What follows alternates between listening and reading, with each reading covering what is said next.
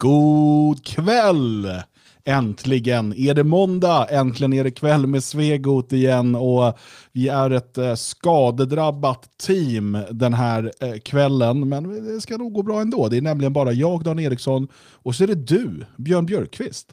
Ja, precis. Och som, som individer så är vi inte särskilt skadade. Eh, mentalt må hända, men eh, alla lemmar är kvar och så, utan det är att vi saknar ju en gubbe, eh, Magnus Söderman. Vi hoppas att han eh, dyker upp någon gång i framtiden. Det låter så, så hemskt. Uh, Magnus är fortfarande inte helt kry och fick kasta in handduken här kort innan sändning. Uh, det är bättre att han får vila upp sig och bli ordentligt frisk. Men jag tror att vi ska klara av ett, ett intressant program ändå, du och jag Björn. Och vi har ju ett eh, flertal ämnen att prata om här under kvällen. Eh, vi kommer ju bland annat prata lite grann om det här med att Salvini nu står eller ska ställas inför rätta. Eh, demografin som diskuteras i Finland. Vi ska prata om huruvida man som förälder ska få ha någon rätt att lägga sig i eh, skolan. Eh, det kanske blir extra aktuellt då med tanke på RFSU-härjningarna eh, uppe i Umeå. Eh, och så ska, har vi båda tittat på Jimmy Åkesson i 30 minuter och så ska vi prata lite om SDs mediasatsning Riks. Mm. Hur ska vi hinna? Ja, det lär vi inte göra. Det här är vad vi planerar att prata om. Om något av det här kommer med är vi nöjda. Ja. För jag, om jag börjar ställa den här frågan Björn, så vet jag att vi kommer spåra ur i massa sidodiskussioner. Och det är helt okej, okay, för det är så det är de här kvällarna. Så vad har du gjort i helgen? Mm. Det har varit massvis faktiskt. Jag brukar alltid vara, jag kommer inte ihåg, jag kommer inte ihåg, men jag har suttit en hel del i telefon. Uh, jag tänkte så här, för att jag, hela förra veckan så höll jag på och räknade böcker, höll på och staplade böcker, byggde olika skulpturer av böcker och massa sånt där. Så tänkte jag att nej, nu ska jag bara lägga ifrån mig allting. Jag ska inte göra något. Eh, eller ja, jag byggde ett stängsel runt min trädgård förvisso. Men jag tänkte, det, det, är liksom det. Jag ska inte göra någonting annat. Men det har ju varit telefonsamtal, massor av grejer som jag måste styra upp och hålla på och ordna med och sådär. Så att, eh, ja, det har varit fullt upp har det varit. Och då tänker man ju, vad håller han på och tjatar om? Vart vill han komma? Jo, till Logik förlag. Vi har så mycket att göra där så att eh, man, man tror att eh, eh, snart, snart är det färdigt. Snart så rullar allting bara. Nej, vi hittar hela tiden nya saker som vi måste greja med och hålla på och pyssla med och sådär. Men det är roligt. Det är roligt att ha. Det var länge sedan jag hade sån här energi faktiskt för att det är så fantastiskt. Man blir så positiv inombords när man står och håller på och grejer med sån här underbar litteratur hela dagarna. Mm. Vad har du gjort själv? Um, jag har skjutsat lite folk. Jag har inte, i, I helgen har det varit nationalister har hjälpt eh, lokala bönder där jag bor. Um, de har så här, de, på våren och hösten har de såna här arbetshelger då man ideellt hjälper eh, tyska nationellt sinnade bönder eh, med en massa saker som behövs göras. Eh, och jag hjälpte till att skjutsa en del folk. Jag hade ingen möjlighet att hjälpa till själv. Ehm, men det har jag gjort tittat på fotboll, eh, skrivit en del, eh, tvättat bilen. Mm -hmm. Ja, det var väl det. Sen hade jag lite helg, eh, rätt skönt faktiskt. Jag vet dock att andra har haft betydligt svettigare helgen. Det har ju varit ett, mm. ett gäng i Svenskarnas hus. Ja. Eh, och, och gjort ett jäkla jobb alltså med eh, vi, vi, kan inte säga för mycket än. Vi vill spara en del till vi öppnar första maj igen, men, men det är ju nya dörrar där det aldrig förut har varit dörrar. Ja, visst. Och då tänker man, har det varit hål där för? Nej, de gjorde hål också. Ja. Sen satte de dit dörrar. Nej, men det är så fantastiskt för att det är, eh, jag är inte här så mycket på helgerna för att jag försöker träffa familjen emellanåt. Eh, och eh, varje måndag man kommer hit så har det ju hänt eh, kolossala grejer som man tänker att det här kan inte hända på en helg. Men eh, mm. ja, med iver och entusiasm så går tydligen det mesta. Mm. Uh, så att, nej, det, det, är väldigt imponerande hur de har arbetat på. Mm. Um, det kommer en frågor i chatten här huruvida Magnus har fått corona. Uh, och det tror vi inte, nej. Um, det är ingenting nej. som tyder på det. det existerar fortfarande andra sjukdomar. Ja, att han är borta kan ju vara ett tecken. Men, det är väl det tecknet. Uh, nej, och han att han säger att han inte kan andas. Han ringer och säger det, att vi ska, han kör mig till sjukhuset, jag kan inte andas. han är rolig. han skojar ju alltid sådär lite, Magnus. Ja. Och överdriver och ska alltid vara sådär arg och tvär. Så. Ja, Nej då, det är nog ingen fara. Han har inte hört av sig på några dagar nu. Men... Nej då, han har eh, jobbat på minsann. Han har varit här idag och jobbat så vi får se om jag klarar mig undan vad det nu är för, för någonting. Ja, Eh, det det får vi hoppas. Ska vi då eh, berätta en trevlig nyhet? Eh, som kanske bara är en nyhet väldigt kort tid, för sen är det över. Eh, Ja. det är ju en bok som har varit väldigt, väldigt efterfrågad och slutsåld överallt. Mm. Du har ju hållit på liksom, rivt runt nu i, i lagret eh, från Logikförlag och du har hittat några ex av den här boken, eller hur? Jag har gjort det. Eh, jag stod här inne och tänkte nu ska jag hitta något bra att citera, men han, det är ofta ganska långa utdrag så att jag hoppar över det, eller så är det de där cit- små citaten som alla känner igen. Men vad det än började med så bara fastnade jag ju. Det, det är så spännande, framförallt då när han blir osams med sina gamla kamrater, eller de vänder honom ryggen och börjar smutskasta honom. Och han, eh, det är så uppenbart att förräderi är det värsta han vet. Han hatar ju förrädare mycket, mycket mer än vanliga fiender. Eh, det vi pratar om i alla fall, det är ju den här boken, till mina legionärer av eh, Codriano. Och eh, vi hittade tio exemplar som låg eh, undangömda på en plats. Eh, vad är det för plats undrar ni? Det spelar ingen roll för att det ligger inte kvar där utan nu, nu är de inställda här och redo att eh, skickas ut. Så att vi la precis upp dem i butiken. Och ehm, ja, det det är tio exemplar som finns. Så köper man dem så, så ehm, ja, det är de sista som finns. Det, vi har, nu har vi verkligen letat igenom allt, det finns inte. Men Mm. inte nog med det. Beställer man just ikväll fram till midnatt så får man välja om man vill ha, för att retas lite med Morgan Johansson, om man vill ha den här lilla skriften som heter, eh, nu skulle jag ha varit i en stor ruta förstås. Ja, det Eh. Ehm, sådär. Eh, Robert Faurisson, eh, Mitt liv som revisionist. Eller om man vill ha den här, eh, nu blir jag jätteliten igen. Eh, Revisionismen segrar. Man skriver i meddelandet om man beställer ikväll vilken av dessa två man vill ha. Eh, som en liten hälsning till Morgan Johansson och hans förbudsiver. Eh, skriver man ingenting så väljer vi bara ut den. Vill man absolut inte ha någon så får man väl då får man väl säga det. Då skickar vi med en extra till den som beställer nästa gång efter midnatt. Eh, Ja, men de här kommer nog gå åt fort. Det är ju den mest efterfrågade eh, boken, eh, för att den är så väldigt rekommenderad, men eh, den har varit slutsåld i, ja, det måste vara något halvår eller ett år eller någonting nu. Alltså. Ja, Eh. jag tror det är runt ett år den har varit eh, borta, om inte till och med längre. Jag tror den var borta en liten period och sen hittade de väl några till dessutom en gång tidigare. Så, men nu är det slut på, på hittandet. Så eh, boken kommer ju finnas så länge det finns tio exemplar. Jag kan ju inte garantera att det finns om en halvtimme. Men Um, och just nu har jag inte helt koll på alla sätt att beställa på. Allting är så nytt för mig så det kan ju hända att den ligger kvar ett tag till och folk beställer och inte får någon otur får jag säga, men, men eh, passa på och försök. Och det kan vara att den finns kvar en månad. Vi kanske har eh, över eh, antagit intresset för den här boken. Det får vi se. Det blir spännande att se, men, men ehm, nu får man i alla fall lite revisionistisk, kanske snart förbjuden litteratur på köpet om man beställer ikväll. Ja. Ja, vi ska inte tjata för mycket om logikförlag, det händer ju väldigt mycket där, men just när du säger revisionistisk litteratur, det var ju kul också att notera här i, i samband med Morgan Johanssons uttalande om att förbjuda förintelseförnekelse, som det då kallas. Eh, så det bara smattrar in beställningar på revisionistisk litteratur. Mm. Eh, jag tror att många förstår att eh, det här är något man ska ha i bokhyllan, om inte annat för att Även om man kanske inte vill läsa det just nu så är det något man ska ha för att det kan vara förbjudet eh, att, att sälja kanske om, om några år. Det vet man inte.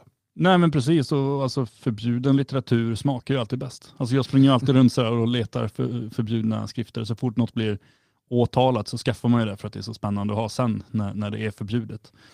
Eh, så ja, nej men det är bara att passa på. Fråga här eh, från chatten, är det den svenska eller engelska versionen det finns tio kvar av? Det är den svenska. Den engelska är slut på logik just nu. Den kommer säkert in senare. Men eh, det här är den svenska utgåvan som trycktes i tusen exemplar och nu finns det tio. Eller fanns i alla fall när vi la upp den. Ja, eh, på logik.se, sök på till mina legionärer så hittar du den. Eh, jag eh, eh, fick en artikel eh, skickad till mig häromdagen eh, från Göte i Göteborgs-Posten. Eh, och det brukar ju sällan båda gott. Eh, Theodor Ösko hade väl något trevligt att skriva ibland och sådär. Men eh, det här är då en artikel från eh, deras kulturchef Björn Werner. Och jag Mm. läser den här och inser att det här är riktigt bra. Det han Mm. skriver. Eh, och eh, Den heter Många av oss hade trivts rätt bra i DDR. Och det, det är ganska intressant för att ah, det han utgår ifrån är ju coronaläget då, liksom den inskränkta demokratin och yttrandefriheten, demonstrationsrätten och så vidare. Att ingen verkar protestera, liksom, eller väldigt få åtminstone. De flesta verkar inte bry sig. Och så gör han en koppling till eh, hur, jag bor ju just nu i, i forna DDR, eh, i Thüringen. Eh, och han pratar mm. om nostalgi och sådär, hur man är nostalgisk inför den gamla DDR-tiden. Och det är helt sant, och folk säger, precis som man säger där, att men allt var inte dåligt. Och allt var ju inte dåligt. Så, så enkelt är det, så är det ju sällan.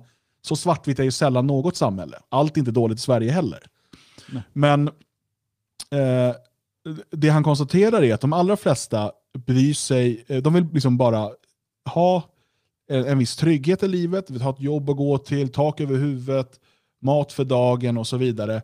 Sen så ideal som liksom yttrandefrihet, och demonstrationsfrihet och organisationsfrihet, det är ingenting som de allra flesta bryr sig om så länge de har tryggheten. Mm. Och därför är liksom, ja, men, som i DDR, då, man visste ju, och, och det där säger ofta min svärfar, eh, som ju levde, liksom, växte upp i DDR, så han sa det att han trivdes jättebra, de hade jättekul, men han var ju politiskt ointresserad. Mm. Eh, och man visste det, att ja, men var bara inte emot staten. Så är det inga problem. Du kan göra karriär inom partiet utan att vara politiker, men liksom, strunta i politiken. Lägg dig inte i att gå emot staten, så har du ett ganska behagligt liv. Och du hade jobb, du hade bostad, det var liksom kommunism, så det var planekonomi. Men så här, även om det var ett jobb som inte behövdes göra, så okay, men nu ska du gå och liksom sortera de här skruvarna i åtta timmar. Och, och, så hittar man på någonting så att du trodde att det betydde något. Så att du kände att ah, men jag går och gör ett jobb. Eh, så du känner att ah, jag har ett jobb, jag har bostad, jag svälter inte, kriminaliteten var ganska låg och så vidare. Uh, visst, de visste att vi har inte yttrandefrihet, vi har inte organisationsfrihet och så vidare. Men det är inte så viktigt för, och han pratar här om att den, den ja, ungefär eh, 50 procent eh, oengagerade medlöpare som mest ville sitt liv så trevligt det gick under rådande inskränkningar i deras frihet. Så konstaterar han det. Mm. Nej, alltså det är en väldigt läsvärd artikel. Eh, förhoppningsvis kan ni få en och annan att liksom börja tänka efter vad är det som händer just nu. Vi, vi håller på att bli av med alla de rättigheter som vi alltid har hört liksom är hela grunden i ett demokratiskt samhälle. Samtidigt som vi då hört att demokratin är ju det absolut viktigaste för att man ska kunna ha mänskliga rättigheter. Mm. Uh, så, så det är ju det är väldigt anmärkningsvärt att inte fler reagerar på att man till exempel tar ifrån oss demonstrationsrätten. Mm. Nej, men och, och det, så som han förklarade, vi har ju pratat om det här liknande saker tidigare, men just att det skrivs i Göteborgs-Posten. För att vi kan ju bli upprörda över, men titta, vi har inte eh, typ demonstrationsfrihet för att eh, liksom skattefinansierade vänsterterrorister blockerar demonstrationsvägar eller skapar upplopp som gör att polisen ställer in rätten att demonstrera. Alla sådana saker som vi alla upplevt. Mm. Vi kan inte hyra lokaler och så vidare. Och De allra flesta som man frågar skulle säga nej men det är fel, så ska det inte vara. Men det är ingenting de tänker bry sig om. Nej. Alltså Det är ingenting de kommer engagera sig i att förändra. Det är idén om att människor skulle i, alltså, den stora massan skulle bry sig om det och liksom engagera sig i det, det är ju en väldigt idealistisk bild av människan. Eh, och, och den så ja, som de allra flesta inte fungerar. Det finns ju det gamla, gamla klassiska citatet om att man är beredd att gå i döden för någon annans rätt att yttra sig, men det är, det är ju väldigt få som skulle vara beredda att göra det. Eh, det är väl Voltaire som brukar tillskrivas det, även om han aldrig sa så. Eh, men jag skulle ju definitivt inte vara beredd att gå i döden för någon, någon sosses rätt att yttra sig. Liksom. Däremot kan jag tycka att de ska ha rätt till det, men, och jag kan eh, driva politiska beslut för att skydda deras rätt att göra det, men jag skulle inte gå i döden för det och jag skulle inte, ja, jag skulle inte offra speciellt mycket för deras skull. Nej, nej precis. Um, men uh, han avslutar det här då. Det är olyckligt. Vi kan aldrig ta för givet att statsmakten garanterat kommer att återbörda våra friheter. För alla partier med den minsta tendens till maktfullkomlighet är vårt samhälle just nu extraordinärt känsligt för den som vill göra permanenta skador på demokratin. Men till skillnad från DDR har vi alla möjligheten att utan repressalier ställa krav på våra makthavare att återställa ordningen så fort det är möjligt. Den frihetstörsten hos landets debattörer och medborgare saknar jag idag. Jag tror att han är lite naiv där också, eh, men eh, det här, för mig, den här insikten som Werner har, um, om hur liksom massan är beskaffad, borde inte det i sig, borde inte han också, nästa steg borde vara att, aha, men är allmän rösträtt då en så himla bra idé? Mm. Det är ju det naturliga nästa steget i tanken här, anser jag. Och eh, för det som, om, om det är så som Werner menar, att människor mycket hellre vill ha trygghet än frihet, vilket ju är hans tes, mm. betyder ju det att i en demokrati kommer staten alltid svälla. Välfärdsstaten kommer alltid bli eh, liksom större eh, och nu ser jag välfärdsstaten i dess negativa bemärkelse här, och kunna lägga sig mer och mer i ditt liv i utbyte mot att du får lite fler skyddsnät och lite mjukare kuddar och sådär. Mm. Eh, åtminstone till en början. Sen kanske man ser att det där någon gång leder till en ekonomisk kollaps, men fram tills dess. Och vilka ur den här massan som man beskriver det, de här 50 procenten som bara är medlöpare, vilken politik som än drivs, kommer rösta mot tryggheten, inom citationstecken, för att få några friheter som de ändå är ointresserade av att nyttja. Mm. Nej, nej alltså, men, nu, nu går du ju in liksom. nu har vi ju en stackars liberal som har skrivit en artikel i Göteborgs-Posten och du börjar kräva att han ska förstå någonting egentligen. det, det, det, ehm, du tror så gott om människor. man ju säga. Jag, jag, jag, jag håller väl inte andan för att Werner ska inse detta, men jag tänker att han har ändå kommit ett steg på vägen här i tanken känner jag, just när det gäller massans psykologi och så vidare. Mm. Jo, och den nästa biten steg är ju vara, ja, och nästa steg då måste ju vara att, men är det då så bra att det är massan som får bestämma över mina friheter? Mm. Jag tror inte man kommer dit, inte som liberal, utan då stannar man där. Då tror man att det finns någon innebyggd ändå eh, rättvisa i att alla som inte bryr sig får vara med och bestämma. Ja. Ja, så kan det vara. Eh, läsvärd hur som helst och kul att den här typen av artiklar faktiskt kommer också i mainstream media, även om eh, det är sånt som, ska man säga, nationella och så vidare har diskuterat i hundratals år. de är på banan nu, Liberalerna. De är på gång. Jo, jo men det är, det är som det brukar vara när vi har pratat om invandring så här i årtionden. Det här kommer hända och sen står de plötsligt bara oj, det här hände. Nu måste vi göra något. bara, ja, nej, nu, nu måste vi göra någonting annat. Nu, nu är vi för sent ute. eh, om man då går till Italien och kikar på vad som händer där så kan vi ju se vad som händer när friheter inskränks. Mm. Eh, Matteo Salvini, ledare för eh, populistiska eh, Lega, tidigare Lega Nord, var ju eh, under ett tag inrikesminister i Italien. Och under den här tiden så genomförde han en hel del eh, intressanta reformer och han var ganska uttalad liksom, mot den här invasionen som skedde eh, över Medelhavet då, med båtar. Ofta är det ju då båtar från olika NGOs och liknande som åker ner till Libyens kust. Eh, och precis på gränsen till libyskt vatten eh, kommer det så här gummibåtar med människor som de plockar upp. Eh, och Det här är väldigt organiserat, det här är bevisats flera gånger att det, det, är en typ av människosmuggling. Och Sen utnyttjar man då asylrätten eh, som ju kom till i en helt annan tid och för liksom helt an, en helt annan värld egentligen. Mm. Eh, för att ja, men nu är de här personerna här och nu måste, de, nu måste ni liksom ge dem mat och husrum och, och asyl i stort sett. Mm. Um, och Salvini eh, ville sätta stopp för det här på olika sätt och en sak han gjorde var att han vägrade låta en sån här båt med eh, hundra stycken migranter på eh, att helt enkelt få eh, lägga till i hamnen. Mm. Så de blev kvar på, ute på vattnet Eh, och, och, gavs inget... Eh, och det, det, här var ju på många sätt en, symbolisk sak för att visa nej. Italien är stängt, ni kommer inte in här. Mm. Efter tre veckor och stora internationella protester och så vidare så lät man till slut båten lägga an vid eh, Lampedusa och de här människorna försvann väl sen liksom runt i Europa. Och en del bor säkert i Sverige nu. Um, men det som händer nu är att man först såg till att ta bort eh, Salvinis immunitet. Man har ju då som minister, jag tror till och med som, som parlamentsledamot, har man åtalsimmunitet för att kunna genomdriva eh, liksom svåra beslut och så vidare utan att riskera fängelse för de besluten. Eh, och Det finns en rimlighet i det där, speciellt som minister. Eh, för att nästa regering ska då inte kunna till exempel döma dig i efterhand för att de tyckte någonting annat. Men nu så lyfter man hans åtalsimmunitet och han eh, ska nu ställas inför rätta för människorov. Mm. Alltså kidnappning. Det, ja, det där är ju så vansinnigt dumt.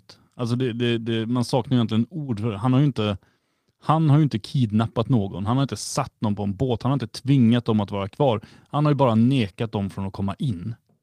Det är ju som att mm. eh, Sveriges, alltså det skulle sitta någon nitisk åklagare i Sverige och eh, stämma Systembolaget för att de inte släpper in alla alkisar som står utanför halv nio. Mm. Det, är så här, det är stängt. Man kommer inte mm. in då. Men det är inte så att de liksom håller fast dem, eh, tvingar dem att vara kvar, utan de får ju gå därifrån. Det där är ju så fullständigt idiotiskt. Alltså så, ja, det, det, det är så tydligt, för vi har sett det nu gång på gång på gång de senaste åren i Europa hur man gör. Vi har sett det i Grekland till exempel mot Gyllene gryning och, och flera andra exempel hur man eh, när man tappar liksom, den politiska makten så börjar man sätta igång med massa verklighetsfrånvända åtal. Här visar de ju sin sanna sida. Det, är, det, är, alltså, det finns många kommunister garanterat som är avundsjuka på deras uppfinningsrikedom när det gäller att förtrycka människor. Mm. Ja, och att det, det handlar ju framför allt... Alltså, man måste ju förstå det här med demokratin och så vidare som vänstern, och vänstern i en bred bemärkelse, allt från i Sverige då, liksom vänsterpartister till kristdemokrater, där när de talar om det, eh, så eh, är de här fina orden om just yttrandefrihet, organisationsfrihet och så vidare, det är ju någonting som gäller så länge deras makt inte är hotad. Mm. Eh, och vi har nu flera exempel. Det man gör mot Salvini nu är ett utmärkt exempel. Du nämnde Gyllene gryning i Grekland, som alltså gick upp och blev, tror tredje största parti. Eh, och då fängslar man hela partiledningen eh, och gav dem eh, husarrest och så vidare. Sen tappar man såklart massor i opinionen när man inte kunde bedriva politik och inte kunde arbeta om man var hotade med förbud. Sen stämplas man då som en kriminell organisation eh, och de kan inte bedriva eh, partipolitik mer. Du har eh, i Belgien Flams Block hette det först va? Flams Block, nu heter det Flams Belang. Belang. Flams Block som blev tvungna att eh, lägga ner och, och, starta ett nytt parti för att man ansåg att eh, det dåvarande partiprogrammet stod i strid med eh, konstitutionen för att det var rasistiskt. Mm. Man förbjöds de facto. Eh, vi har Tyskland såklart som har förbjudit massor av partier genom åren, men som till NPD nu senast sa, när man försökte förbjuda dem, att ja, just nu är ni små, och därför så eh, kommer vi inte förbjuda er, ni är inget hot mot eh, vår författning. Men om ni blir starkare så kommer ni bli förbjudna, för då är ni ett hot mot den. Mm. så det är ju också ett de facto organisationsförbud. Bara det att, ja, ni kanske får leka att ni är politiker så länge, då, men så fort ni liksom får vind i seglen, då, då klipper mm. Eh, och Det visar ju bara att alla de här, de här fina orden, det är ju bara det är ju inget annat än fina ord. Nej, precis. Och sen ser vi ju nu i Sverige då när man håller på samtidigt arbeta med de här eh, förbud mot rasistiska organisationer eller lyckas inte det, då ska man förbjuda medlemskap i rasistiska organisationer. Uh, nu kommer förslaget om att uh, förbjuda förnekelse av förintelsen. Vi, vi, har um, försök att förbjuda olika runor. Alltså det, man håller ju på på full front just nu juridiskt att hindra politiska motståndare. Och även om man just nu kanske inte är speciellt rädda för en nationalistisk revolution i samhället så känns det någonstans som att man bäddar för att till och med kunna stoppa Sverigedemokraterna på juridisk väg. Mm. Uh, för att det viktigaste för sossarna det är ju att behålla makten. Uh, mm. De bryr sig inte speciellt mycket om vem de tappar makten till. De vill inte tappa makten, det är det det handlar om. Mm. Nej, och när det gäller situationen i Sverige blir det extra intressant just för att sossarna under så lång tid har byggt sin egen djupa stat. Och vi mm. ser nu återigen uttalanden i poliser, det är allt möjligt som säger att om Sverigedemokraterna hamnar i regering, då tänker inte vi arbeta. Nej, det vore ju konstigt om de skulle börja arbeta då kanske, somliga av dem. Jo, men det, och det finns tjänstemän och så vidare som... Eh, för att, och det är också sådana grejer, man pekar ju ofta på Polen och Ungern då som hot mot demokratin för att de rensar upp i de här gamla, ofta då gamla kommunistiska mm. liksom myndigheterna och sådär. Domstolar och public service och annat. Där är det ju ofta människor som då har suttit sedan innan eh, murens fall. Eh, mm. och, och, och, fortfarande sitter på de här maktpositionerna. Om man rensar ut det för att bli av med den här djupa staten eh, så att man kan börja bedriva politik utan att bli obstruerad hela tiden. Mm. Eh, och Det är då ett hot mot demokratin. Eh, och Det kommer vi få se i Sverige också, för att Sverigedemokraterna kommer förmodligen hamna i regering, kanske inte efter det här valet, men då kanske efter nästa och sådär. Eh, vi får se, men så fort vi kommer få se det, eller att kanske till och med bara att Moderaterna och Kristdemokraterna bildar regering med stöd av Sverigedemokraterna, så kommer vi få se hur myndigheter kommer obstruera på olika sätt. Mm. Ja, ja, ja, det kommer ju vara kolossalt mycket alltså underjordisk verksamhet för att sabotera, för att sätta mm. käppar i hjulen, för att stoppa. Man kommer gå juridisk väg för att hindra politiska beslut. Man kommer att låta bli att genomföra det som beslutas om. Man kommer göra helt andra saker. Lärare inte minst kommer ju stå och fortsätta liksom propagera enligt socialdemokratisk skolplan, även om det skulle nu tror inte jag att skolplanen kommer ändras speciellt mycket med Moderaterna, men om det skulle bli en förändring så skulle ju lärarna fortfarande stå där och hålla på. Så jag tror att eh, det, det, enda sättet att vinna makten i Sverige det är ju att till att börja med byta ut alla byråkrater och alla lärare och hela den biten som sitter där och påverkar betydligt mer än vad politiker gör. Det som behövs om, om, om Sverigedemokraterna ska göra det här, jag tror inte på det, vi kommer att prata mer om Sverigedemokraterna sen, men om vi bara utgår ifrån det, så är det ju att de får med Moderaterna och Kristdemokraterna, eh, alltså att de förstår att det som behövs är en stor utrensning eh, mm. bland myndigheterna. Och Moderaterna och Kristdemokraterna är säkert glada om de bara får skära ner på antalet myndigheter. Sverigedemokraterna vill nog också rensa ut en hel del tjänstemän. Mm. Eh, och för att göra det behöver man ju en majoritet. Eh, mm. För det kommer bli svårt annars. Att, men i viss mån kan det gå av sig självt tror jag. Alltså, det har ju varit i, nu står det helt still, men någon skånsk kommun där Sverigedemokraterna är med och styr, mm. så var det någon skräcknyhet om att det var väldigt många tjänstemän som har um, slutat. Som mm. har känt sig tvungna att sluta. Um, så de sticker ju när de upptäcker att uh, oj, här måste vi ju följa beslut. oj, nu måste vi börja jobba också. Och så framställs det som att det var antidemokratiskt. Men, men, mm. men jag menar, kommer det då in andra människor som är villiga att arbeta så är det ju mm, det bästa om det kan gå så smidigt. Men sen är frågan högre upp om folk är beredda att, att dra sig undan. Jag menar, en sån som Lamberts när han var justitiekansler eller eh, satt i högsta domstolen, han hade ju inte gått av sig självt. Utan en sån jävel måste man ju kasta ut. Mm. Ja, nej, verkligen. Uh, och får hoppas att, att SD, M och KD är beredda att göra det. Jag är lite osäker i dagsläget, men det är det de måste göra om de ska kunna bygga något långvarigt.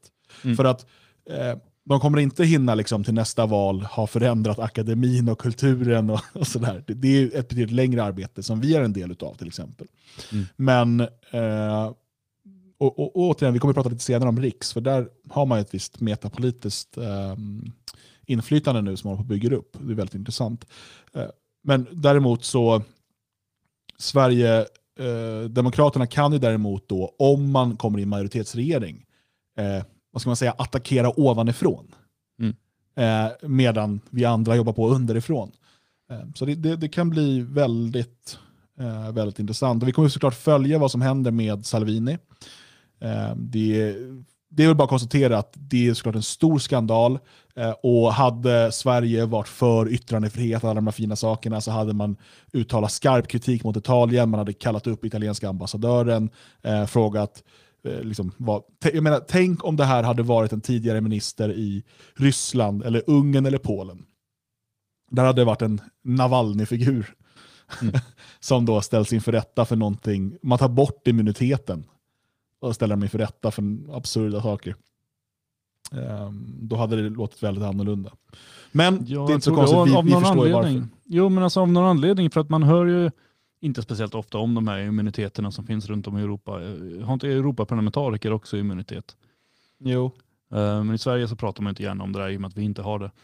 Uh, men men um, när man hör talas om det, då är det alltid när de tar ifrån någon det. Och det är ju alltid nationalister. Man hör aldrig liksom om att uh, ja, men den här sossen har visat sig vara korrupt så nu tar man ifrån. Nej, man tar aldrig ifrån. Det är bara, ja, han var korrupt, det var ju dumt, han avgår. Mm. Men han har ett nytt jobb.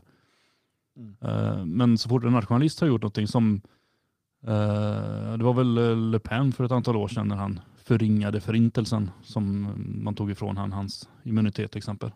Mm. Fullständigt vansinnigt men också väldigt, väldigt väntat. Alltså man sitter ju inte och chockad över det här utan däremot så blir man ju lite trött men man får ju ändå eh, omsätta det till uh, ilska och aggression mot de här skurkarna som vanstyr. Mm. Efter den här sändningen eh, så blir det som vanligt öl med Svegot eh, på Telegram. Eh, du följer Radio Svegot där eller går med i Radio Svegots chatt så kommer det komma upp en sån här så kallad voice chat efter sändningen. Eh, och så eh, Den som vill kan öppna en, en god öl eh, och så snackar vi lite skit och pratar lite eftersnack och sådär. Eh, men det är bara på Telegram. så att gå in nu på Telegram och sök efter Radio Svegot. You gotta go back, you gotta go back You gotta go back where you came from. You gotta go back, you gotta go back, you gotta go back where you came from. You don't like us, you just like our stuff. We gave some to you, but it's never enough. So let's coexist with you over there, over the wall, out of our hair. You gotta go back, you gotta go back. You gotta go back where you came from. You gotta go back, you gotta go back, you gotta go back where you came from. These are the rules, they don't go away. We might let you in, we might let you stay. Diversity plus proximity. If you want a war, well, that's what they're for. You gotta go back, you gotta go back. You gotta go back where you came from. You gotta go back, you gotta go back, you gotta go back where you came from. They say the USA is a proposition nation. But we are free to disagree about whatever that might mean. There's a lot of talk about the melting pot assimilate, and you might have a shot. We threw you out, now you're back at the door. Go on back home, yeah, we've seen you before. You gotta go back, you gotta go back, you gotta go back where you came from. You gotta go back, yeah, you gotta go back. You gotta go back where you came from.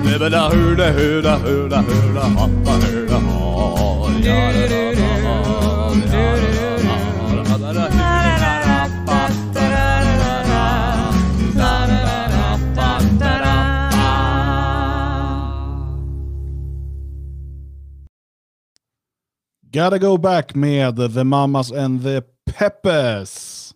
Dansade du Björn? Jag dansade lite grann. Det var, mitt nät krånglade lite här just lämpligt nog under musiken. Så att, men eh, jag kan den ju utan till så att jag eh, gick här och sjöng ändå.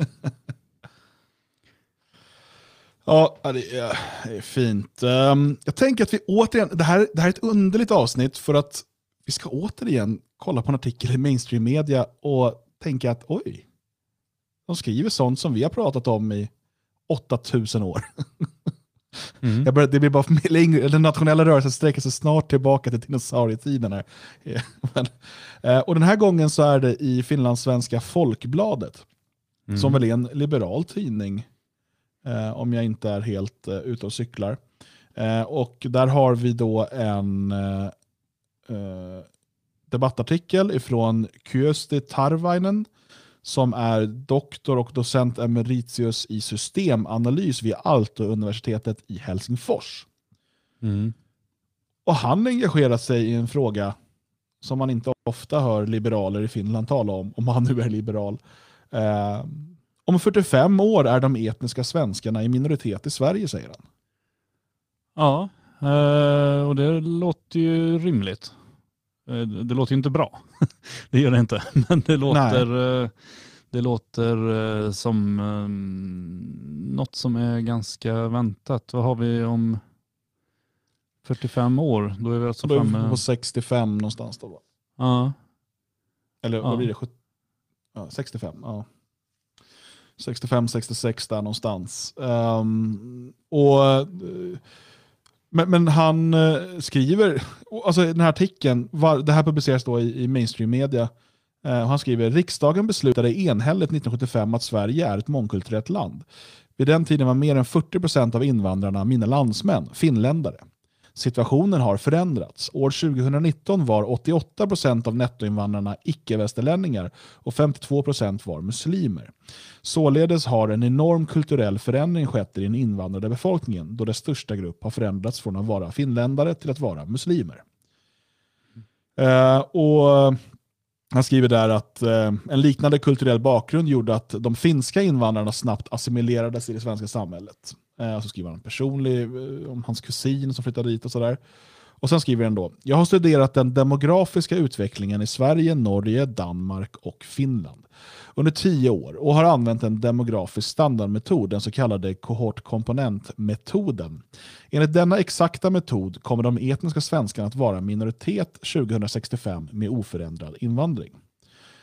Enligt de två demografiska metoderna kommer således de etniska svenskarna att bli en minoritet om 45 år om den nuvarande invandringen fortsätter. Och det jag undrar här, jag har inte läst hans eh, forskning, men jag skulle nog säga att han har underskattat hur lång Ja, det, beror ju, det beror ju på om man har räknat med barnafödande och så. Eh, nu dyker det här upp lite eh, sent så vi har inte tittat på det. Eh, Det som jag tycker är slående ändå, det måste ju ändå sägas, det är jättebra att han lyfter fram där och sådär. Men, men eh, han, han är docent eh, emeritus. Han kunde ha gjort det när han var docent. Alltså, Mm. Det är alltid det här man väntar och väntar och väntar. Sen kommer pensionen då. Då börjar Mm. man prata. Jättebra att han gör det. Men vi behöver de som är aktiva, som, är, är, som offrar något. Mm.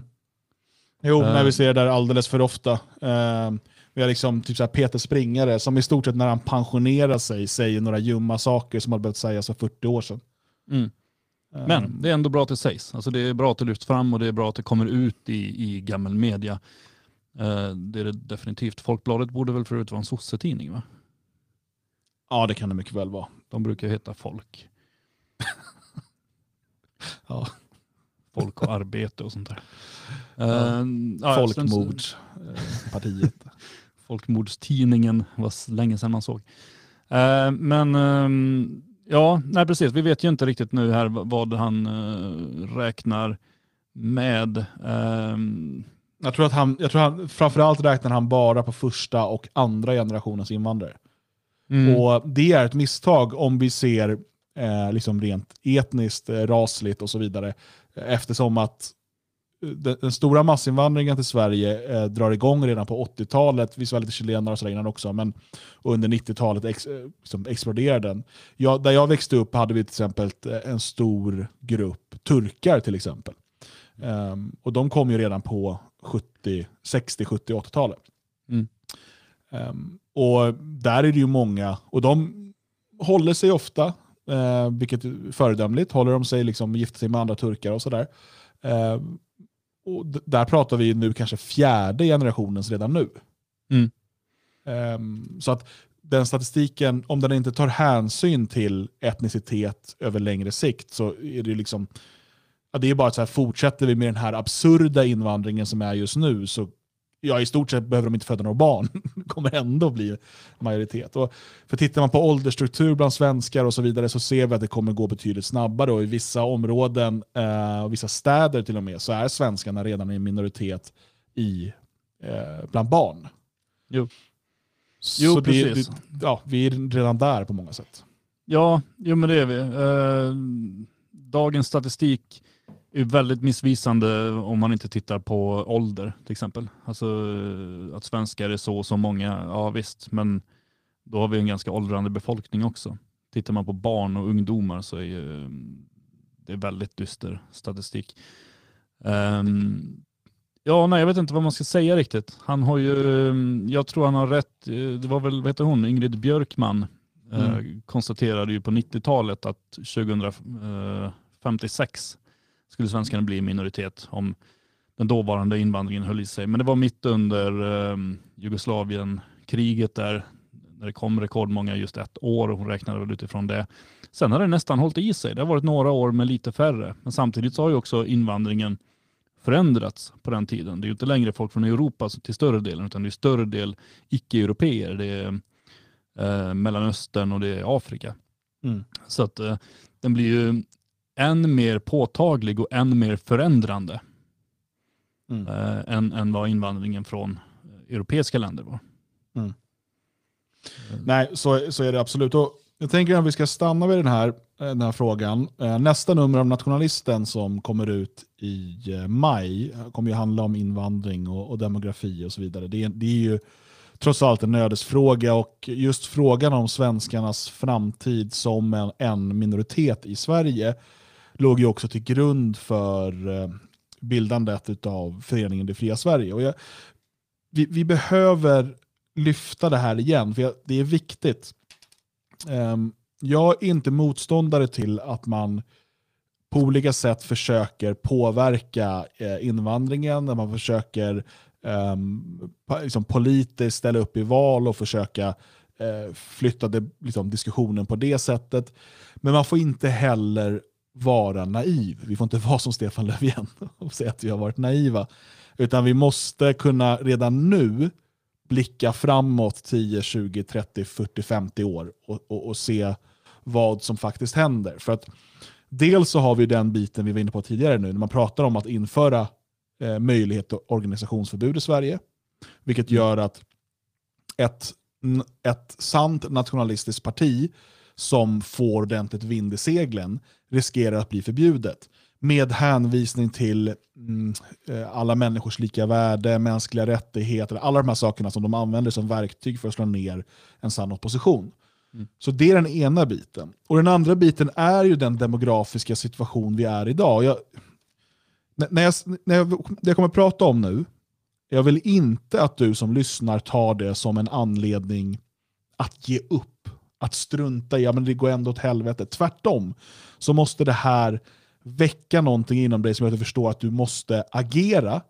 Inte för att du nödvändigtvis kommer kanske kunna förändra allting politiskt under din livstid, utan för att det bör vara eh, eh, liksom en signal för dig att du måste börja organisera dig och eh, engagera dig på ett sätt som lägger en så bra grund som möjligt för kommande generationer. För vi har det här med förbud, det är ena biten.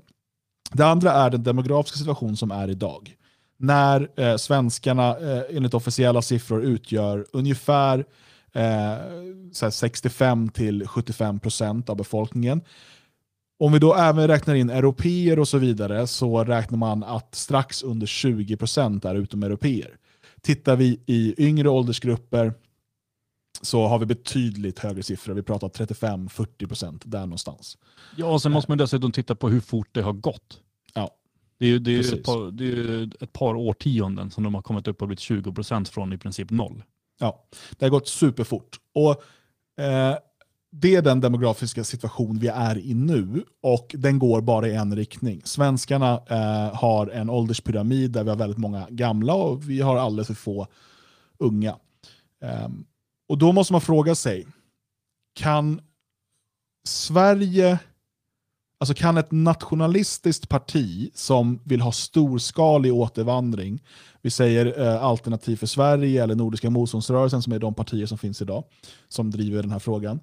Eh, kan ett sådant parti, för att, för, för att genomföra detta, få 51% av rösterna? Och Då måste vi använda någon typ av så här logisk slutsats här. Om svenskarna idag utgör 75% av de som får rösta, och vi tog bara för de siffrorna, så betyder det att vi har 75% av rösterna. Eh, 75% av rösterna och vi behöver 51% för att ha en majoritet för att kunna genomföra den typen av politik. Det betyder att vi behöver ungefär 75% av svenskarnas röster. Om vi förutsätter att inga utlänningar skulle rösta för det här. Mm. Och då, alltså då måste man ju fråga sig, och det gör jag. eh, om vi ser till de val som har varit hittills, finns det någonting som tyder på att tre fjärdedelar av alla svenskar i valen 2022 till 2026, för sen ändras siffrorna igen, då kanske vi behöver 80% av svenskarna, sen behöver vi 85% av svenskarna och så vidare för att få 51% av rösterna. Mm. Som tyder på att en så stor andel av svenskarna skulle rösta på ett parti som vill genomföra en storskalig återvandring. Jag, hur, hur man än vrider och vänder på det, Eh, och man, det är klart man kan hoppas och, och det vore jättekul om det hände. Men det är inte rimligt att det kommer ske. Och, och att tro att det kommer ske. Och framförallt så är det eh, väldigt dumt och naivt att sitta och vänta på att det ska ske. Mm. Alltså tro att men, som jag behöver inte ta något direkt större ansvar, utan eh, svenskarna kommer förstå. Eh, bara, de liksom får, bara de drabbas av mångkulturen själva, då kommer de gå och, och rösta på det här. Titta i de områdena där svenskar är drabbade av mångkulturen. Titta på svenskarna som bor i invandrardominerade områden. Där, det är inte 75% av svenskarna där som röstar på AFS eller NMR. Det är Nej. knappt 75% av svenskarna som röstar på SD där. Nej, Nej så är det. Eh, så är det definitivt. Jag tror ju att, att um, den dag, låt oss säga då 2065, när svenskarna är i minoritet, så kommer en majoritet av svenskarna att uh, vara kraftigt mot invandring och för återvandring och så vidare. Men uh, då går det inte att rösta längre för det. Då är det för sent. Mm. Och att, tro att vi skulle få 75 procent av svenskarna idag, det är väldigt um, alltså då, då har man ju inte följt svensk politik de senaste, eller någonsin. De har ju aldrig följt svensk politik. Mm. Alltså Bevara Sverige svenskt startades 1979. Då var det helt rätt. Det de sa, det de gjorde var helt rätt. Sverigepartiet grundades, vad var det, 86? Helt rätt. Sverigedemokraterna 88? Helt rätt. Att idag komma med sådana lösningar som de hade då, med liksom stoppad invandring, viss repatriering och så vidare, det är för sent. Idag krävs ju total återvandring. Det krävs riktigt hårda tag. Eh, och vi har inget parti som är i närheten av makten som har det idag. Det betyder inte att man ska lägga sig ner och dö och bara, ah, det är kört, det är meningslöst. Utan det betyder att man har en förbannad skyldighet att kämpa för det samhälle som barnen ska växa upp i. Vad ska man ge barnen?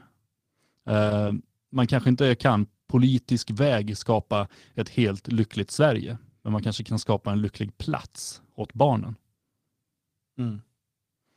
Eh, där någonstans måste man stå just nu och börja fundera på vad vill man själv ge till sina egna? För att vi mm. måste tänka på oss själva just nu för att vi har försökt i årtionden att kämpa för hela svenska folket men de har inte velat vara med på det här tåget.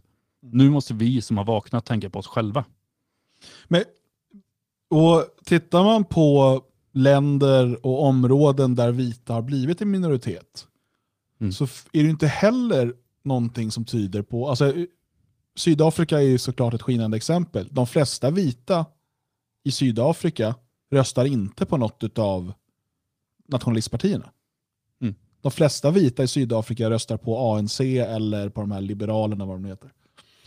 Eh, I Västtyskland, där eh, invandringssituationen är ungefär som i Sverige, i vissa, vissa delar bet, eh, värre, så har AFD jättesvårt att få genomslag. Mm. Men i före detta Östtyskland, där invandringen inte har varit ett stort problem, går det bra för AFD. Så den här idén om att bara det blir tillräckligt jävligt för svenskarna, bara de blir minoritet, eller bara de blir, näst, hotar de blir minoritet, de märker det på gatubilden, då kommer de rösta för repatriering. Det finns inget det finns ju ingen eh, empiri som stödjer detta. Det är ju en önskan. Det är en förhoppning att ja, men då måste de väl... Liksom.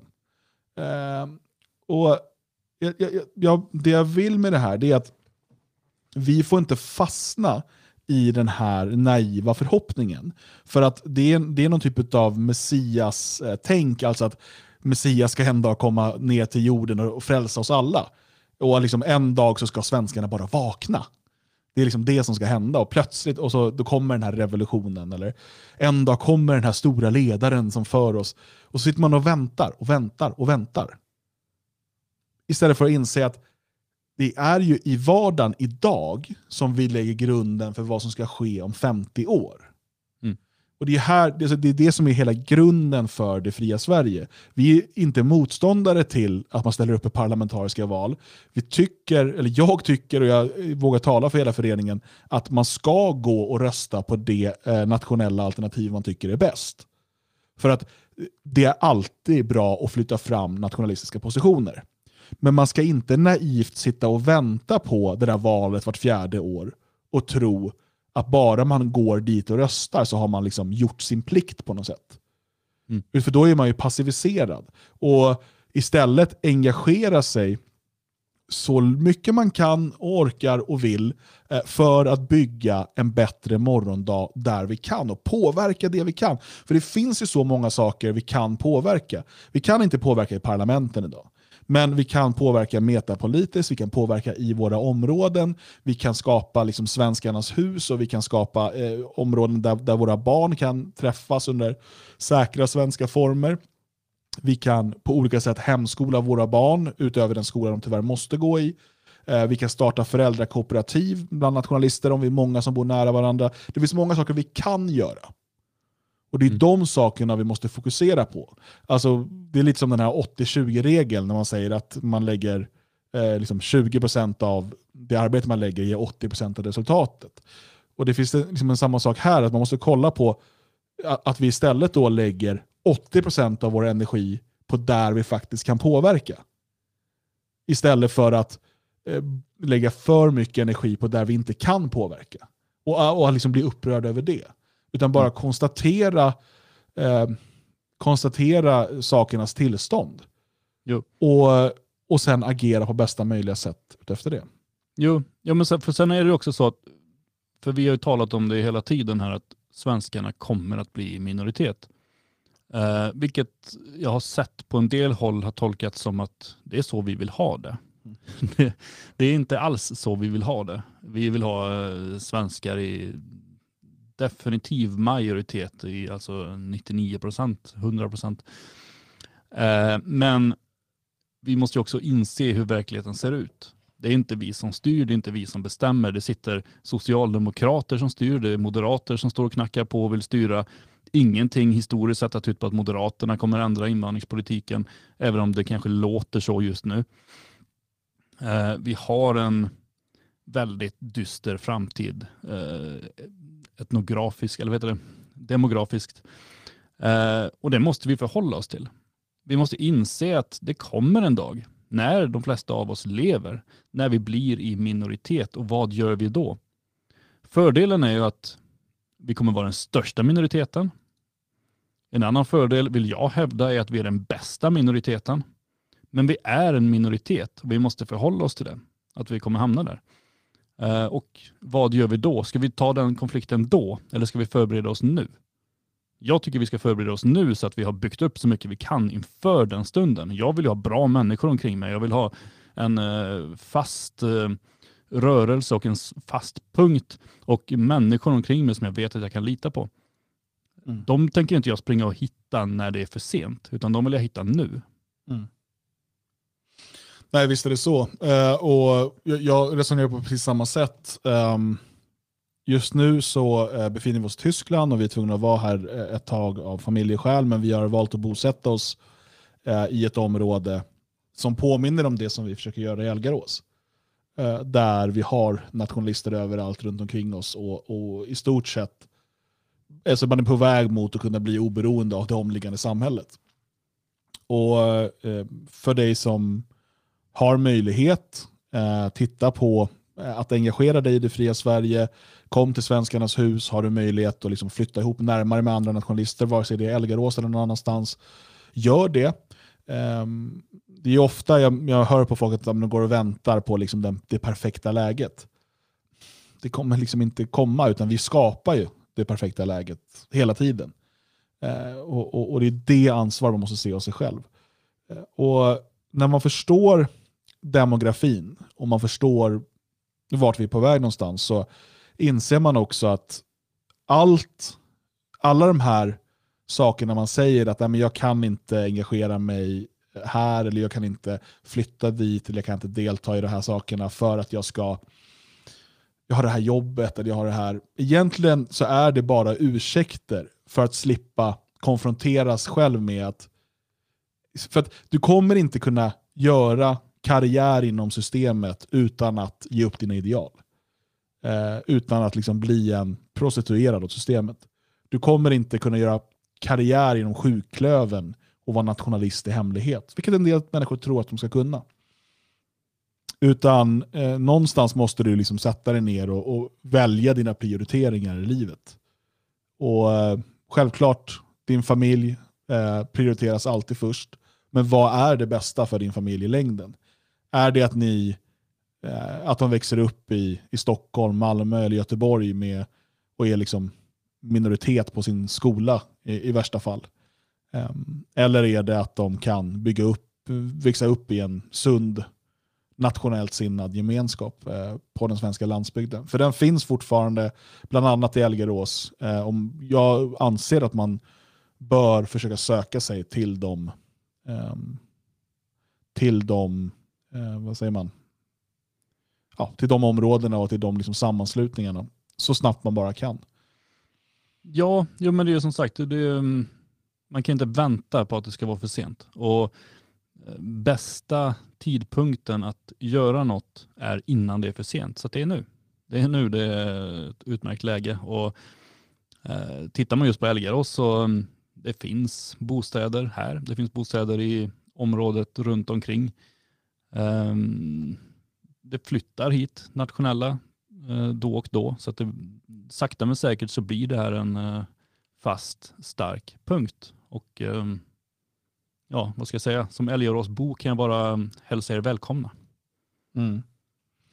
Um, och där från föreningens håll hjälper vi också gärna till om någon är intresserad av att flytta till Älgarås eller med omnejd så hör av dig så finns det saker vi kan hjälpa till med både med förmedlingar av bostäder och annat. Så att, ta kontakt eller kom förbi Svenskarnas hus och, och prata. Och det här är, men det här är var vi landar när vi pratar om den demografiska frågan. Eh, och det är inte för att vi vill att det ska behöva vara så. Det är viktigt att sen, poängtera det. Sen vill jag poängtera bara att kom gärna förbi huset men vänta till efter första maj.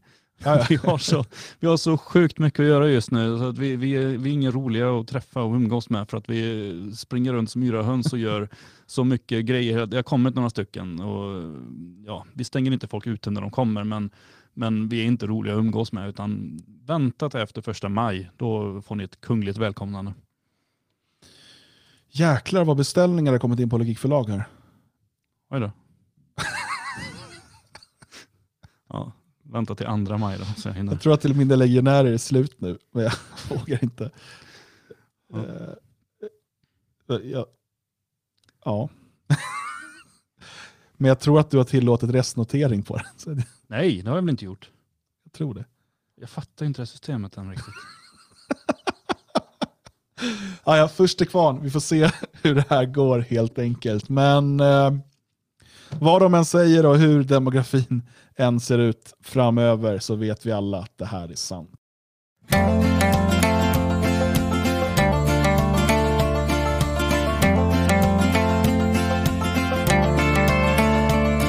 Just nu så ligger riket på en bår och om du frågar varför kommer tårtkastardamen Det har aldrig gått så bra som nu och det gör det tack vare vår import av mångkulturer Varför ska vi ha integration? Om det inte finns en svensk nation Om svensk inte är någon definition ska jag nu ge dig en liten lektion. Carl Larsson och Taube, älgpass i snår. Bellman och Fröding, fäbo, jäntan som gillar korv Selmas Pyssling, Bamse, Strindberg och Alfred Nobel. Svenskar arbetar. Och landet är vårt. Svenskar arbetar. Och landet är vårt.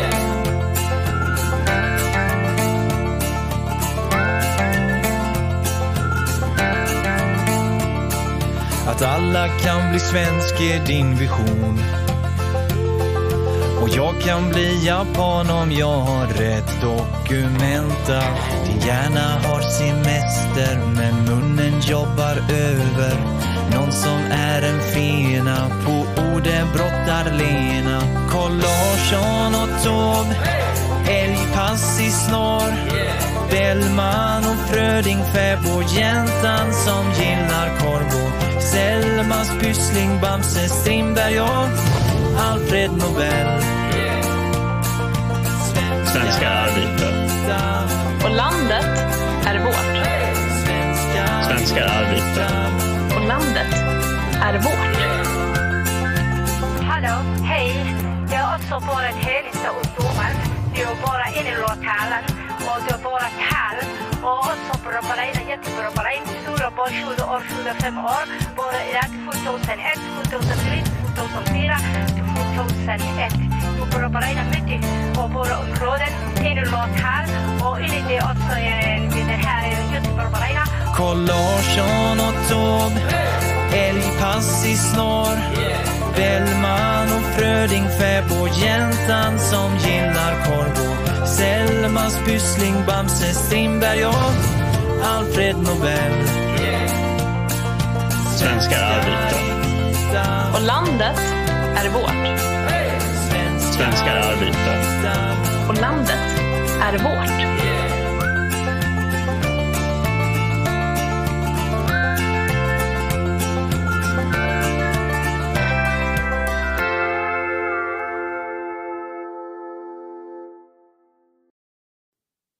Svenskar är vita och landet är vårt med Kiwi and the Dog Boys. Eh, De här Dog Boys har jag faktiskt aldrig träffat. Är du med Björn? Hej. Björn? Du, du var lite frusen där. Ja, det, varje gång det kommer musik så bara blir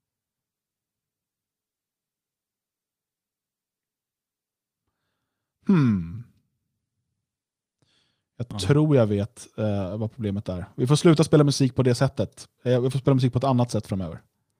Ja, eh, vi får göra det. Är jag med nu eller? Du är med nu. Härligt, härligt. Härligt. Elgarås är med. Ehm, vi eh, går vidare helt enkelt. Det blir helt ställd här. Ja, det är lika bra. Eh, vi kan ju säga i alla fall att mina legionärer är slut. Ja, den är väldigt slut nu. Ja, det är två som har beställt som eh, kom efter och eh, nu får vi bara se om de andra betalar. Eh, annars så kanske ni får. Ni får leva på hoppet en liten period här. Jag har ju mitt eget exemplar plus utgåvan innan också. Vänta.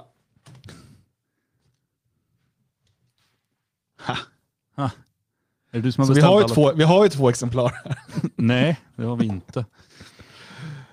Ja, det finns, finns alltid reda här att citera ur. Det är bara två böcker jag behöver här. Det är eh, till mina legionärer och kritikkulturen. Kritikkulturen är också slut. Ah, jag har ett ex. Mycket budgivning. Ja. Med lite så här fina eh, för vissa passager som jag återkommer till. Mm. Eh, vi ska eh, lite klipp från SVT. Läraren upplevde det som eh, lite hotfullt eh, i det mejl som föräldern skickade till läraren. Det var under en distanslektion i historia som Sverigedemokraten Johan Olin satt med som förälder till en av eleverna. Läraren beskrev stormningen av Kapitolium som ett försök till statskupp, vilket Johan Olin reagerade starkt på. Detta är en obalanserad och starkt politiskt färgad föreläsning.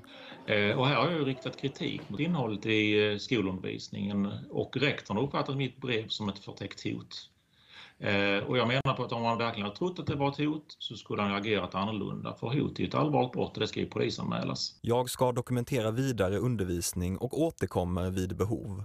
Om han hade spelat in så hade ju vi påtalat att det inte är lagligt. Det är i min rättighet och möjlighet att, att göra så att säga. Jag menar inte att man måste göra det, men eh, en undervisning måste kunna tåla granskning. Inspelning av eh, samhällsföreteelser, det kan ju vem som helst göra. En lärare som blir eh, så starkt kritiserad och, som upplever det hotfullt kritiserad för den eh, undervisning man gör är inte okej.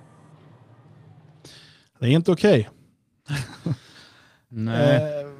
Vi har här alltså en förälder som också råkar då vara ehm, SD-politiker i kommunfullmäktige i Hörby. Han är kommunfullmäktiges ordförande. Mm, eller är det Eh. tvärtom? En eh, SD-politiker som också råkar vara förälder. Ja, så kan det vara. Eh, som alltså då har reagerat på att läraren, som han menar då, eh, håller på med vänsterpropaganda. Mm.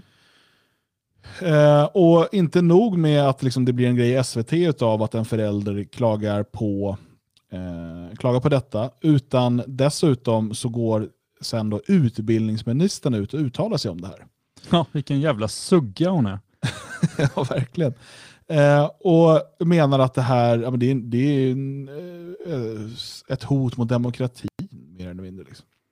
Ja, eh, lärare ska inte kritiseras, eh, är väl det hon försöker fastslå. Eh, och framförallt inte då av politiker. Det här är ju en fritidspolitiker ska man komma ihåg. Det här är ju inte någon liksom, välavlönad riksdagsman som har stått i plenisalen och Nej, förklarat. men, och, och menar, även om det är en riksdagsman, Ja. eh, så som förälder måste man ju ha rätt att ha åsikter om den utbildning som tvingas på ens barn. Ja, i och med att vi har, vi har ju skoltvång. Ja. Vi tvingar, alltså, om inte vi lämnar våra barn till skolan så kommer polisen och tar barnen till skolan. Ja. Ehm, då är det väl i högsta, alltså, man önskar ju att fler föräldrar Mm. var så pass engagerade så att de satt med på lektion och lyssnade. Att de hörde av sig och ifrågasatte vad, vad är det ni håller på med? Eller kom med egna förslag på så här borde ni göra.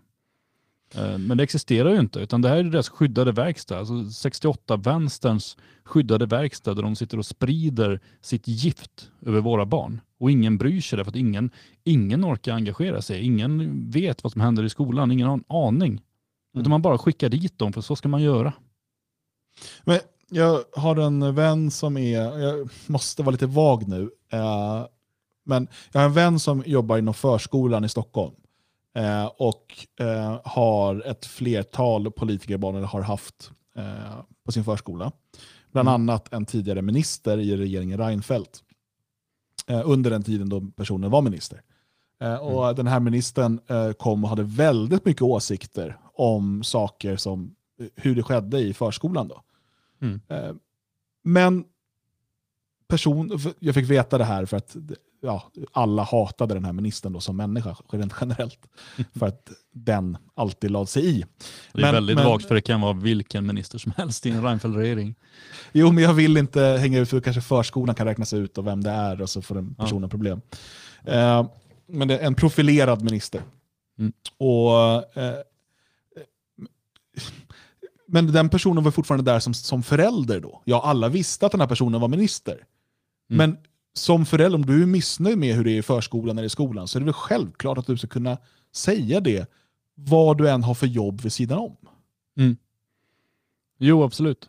Och jag tror ju någonstans att det här, det här är ju ändå eh, grunden från början, att de bara är missnöjda med kritik. För att när man tittar på det här som ehm, eh, ministern skrev här om att eh, vad står det? Eh, att, att kräva att lärare undervisar på ett sätt som passar ens partipolitiska åsikter hör inte hemma i svensk skola, skriver hon. Eh, och sen följs det av en massa kommentarer. De flesta är kritiska som frågar varför ska man inte som förälder få ifrågasätta vad lärarna undervisar? Varför ska Mm. man inte få liksom, ta del av undervisningen och ha synpunkter på det? Eh, varpå det kommer några trogna socialdemokrater och, och liksom lägger sig i. Mm. Och bland annat då att ja, men han gör det ju som politiker och det är ganska tydligt att det gör han inte. Han har skrivit från sin privata mail och sådär. Så den biten kan man ta bort. Och då är det några sossar som ändå hänger på där. Att, ja, men som förälder ska man ändå inte ha några synpunkter på vad, för att det är ju läraren som är utbildad lärare. Föräldern är ju kanske, jag vet inte, borrar hål eller någonting. Eh, Så så då ska man inte ha synpunkter på det. Det, det är ju så sinnessjukt. Alltså man bara, alltså, ja, det ska ju en sosse till en sån grej. Att man bara, liksom bara accepterar allt. Mm. Man ska bara acceptera och vara tyst. Liksom, ja, barnen blir itutade precis vad som helst. Och det ska man bara acceptera för att det är en lärare som säger det. Alltså denna förvridna auktoritetstro som speglar eh, våra socialdemokrater är ju pinsam. Mm. Ja, nej, verkligen. Eh, och, och, men det, det symboliserar, det passar in på hela deras världsbild liksom, med, med hur förskolan ska vara. Och helst ska barnen lämnas bort när de föds till proffs. Det är en utbildning man behöver för att uppfostra barn och sådär. Mm. Um, men när hon säger det då här att, um, att kräva att lärare undervisar på ett sätt som passar ens partipolitiska åsikter har inte hemma i svensk skola. Hade hon resonerat likadant om det var till exempel en lärare som undervisade om att uh, homosexualitet är onaturligt? Men då har du inte Ehm, följt skolplanen. Men skolplanen är ju gjord av partipolitiska människor, eller? Mm. Alltså riktigt. det är när det är något annat än socialdemokratiska partipolitiska åsikter. Precis. Det är fel. Nej, men alltså, grejen är, jag, jag kommer ihåg när jag bodde i Karlskrona för en massa år sedan. Eh, så flyttade Richard Jomshof dit. Mm. Och eh, han ehm, eh, var ju lärare och han sökte och fick ett lärarjobb på en av högstadieskolorna. Eller om det var eh, gymnasiet, jag kommer inte ihåg. Men på, på någon skola i alla fall. För ganska, alltså, lite större barn åtminstone. Mm. Och det vart ju rubriker, liksom eh, massa sånt där. Alla elever som tidningarna fick tag i sa att det är den bästa läraren vi har haft. Han är suverän. Mm. Och han har inte pratat politik, han har inte fört in liksom, utan han är saklig, han utgår från böckerna och han diskuterar och låter oss diskutera och tänka fritt och sådär. De tyckte han var helt suverän. Däremot så var det en annan liten grupp med syndikalister på skolan som började sittstrejka. De hade inte ens Jomshof som lärare. De började strejka och föra liv och sånt där. I samma veva så kom Mona Sahlin till eh, Karlskrona för att uh, ta avstånd från nazismen eller någonting. Uh, och fick då fråga om det här. Och hon sa att uh, ja, hon kan ju inte lägga sig i enskilda, hur enskilda lärare gör och hur enskilda skolor gör och sådär. Men hon skulle aldrig tillåta att hennes barn undervisades av Richard Jomshof. Mm.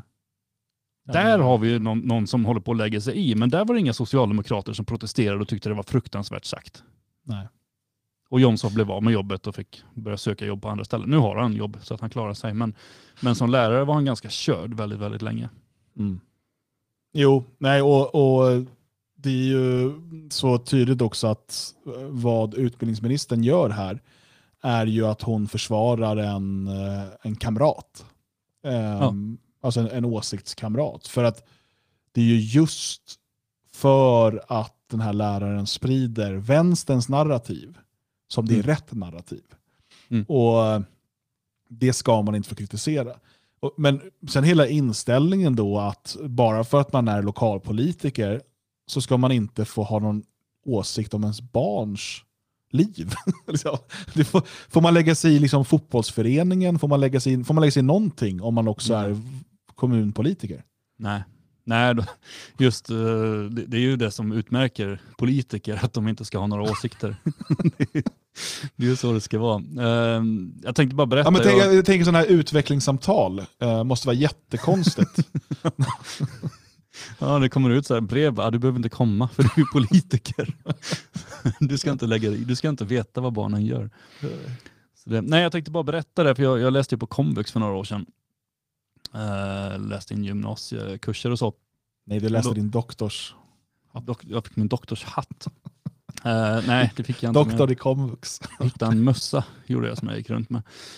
Här kommer jag i min mössa. Nej, ehm, i alla fall, jag, jag eh, läser och då hade jag en lärare i samhällskunskap eller samhällsorienterade ämnen som eh, var väldigt, väldigt vänster. Och det var, han gjorde ingen hemlighet av det, utan han berättade ju mycket om sina, sitt politiska liv. Han hade åkt runt i världen och hjälpt utsatta i olika länder och sånt där. Och, eh, med någon lektion, det måste ju varit något historieorienterat där, så hade han kopierat upp sidor ur um, Eh, historieboken, heter den, en bok som eh, gavs ut av Ordfront på början av 70-talet, som är så extremt politiskt eh, tillrättalagd och talar om hur kapitalister alltid har förtryckt vanliga människor. Och, eh, allting är så, mm, alltså det, det är en sån riktig 68-bok liksom som alla sitter och skrattar åt idag. Men det la han ju fram som fakta där och det var ju väldigt många, nu var ju vi vuxna, men man märkte ju ändå liksom att alla bara satt och trodde på allting.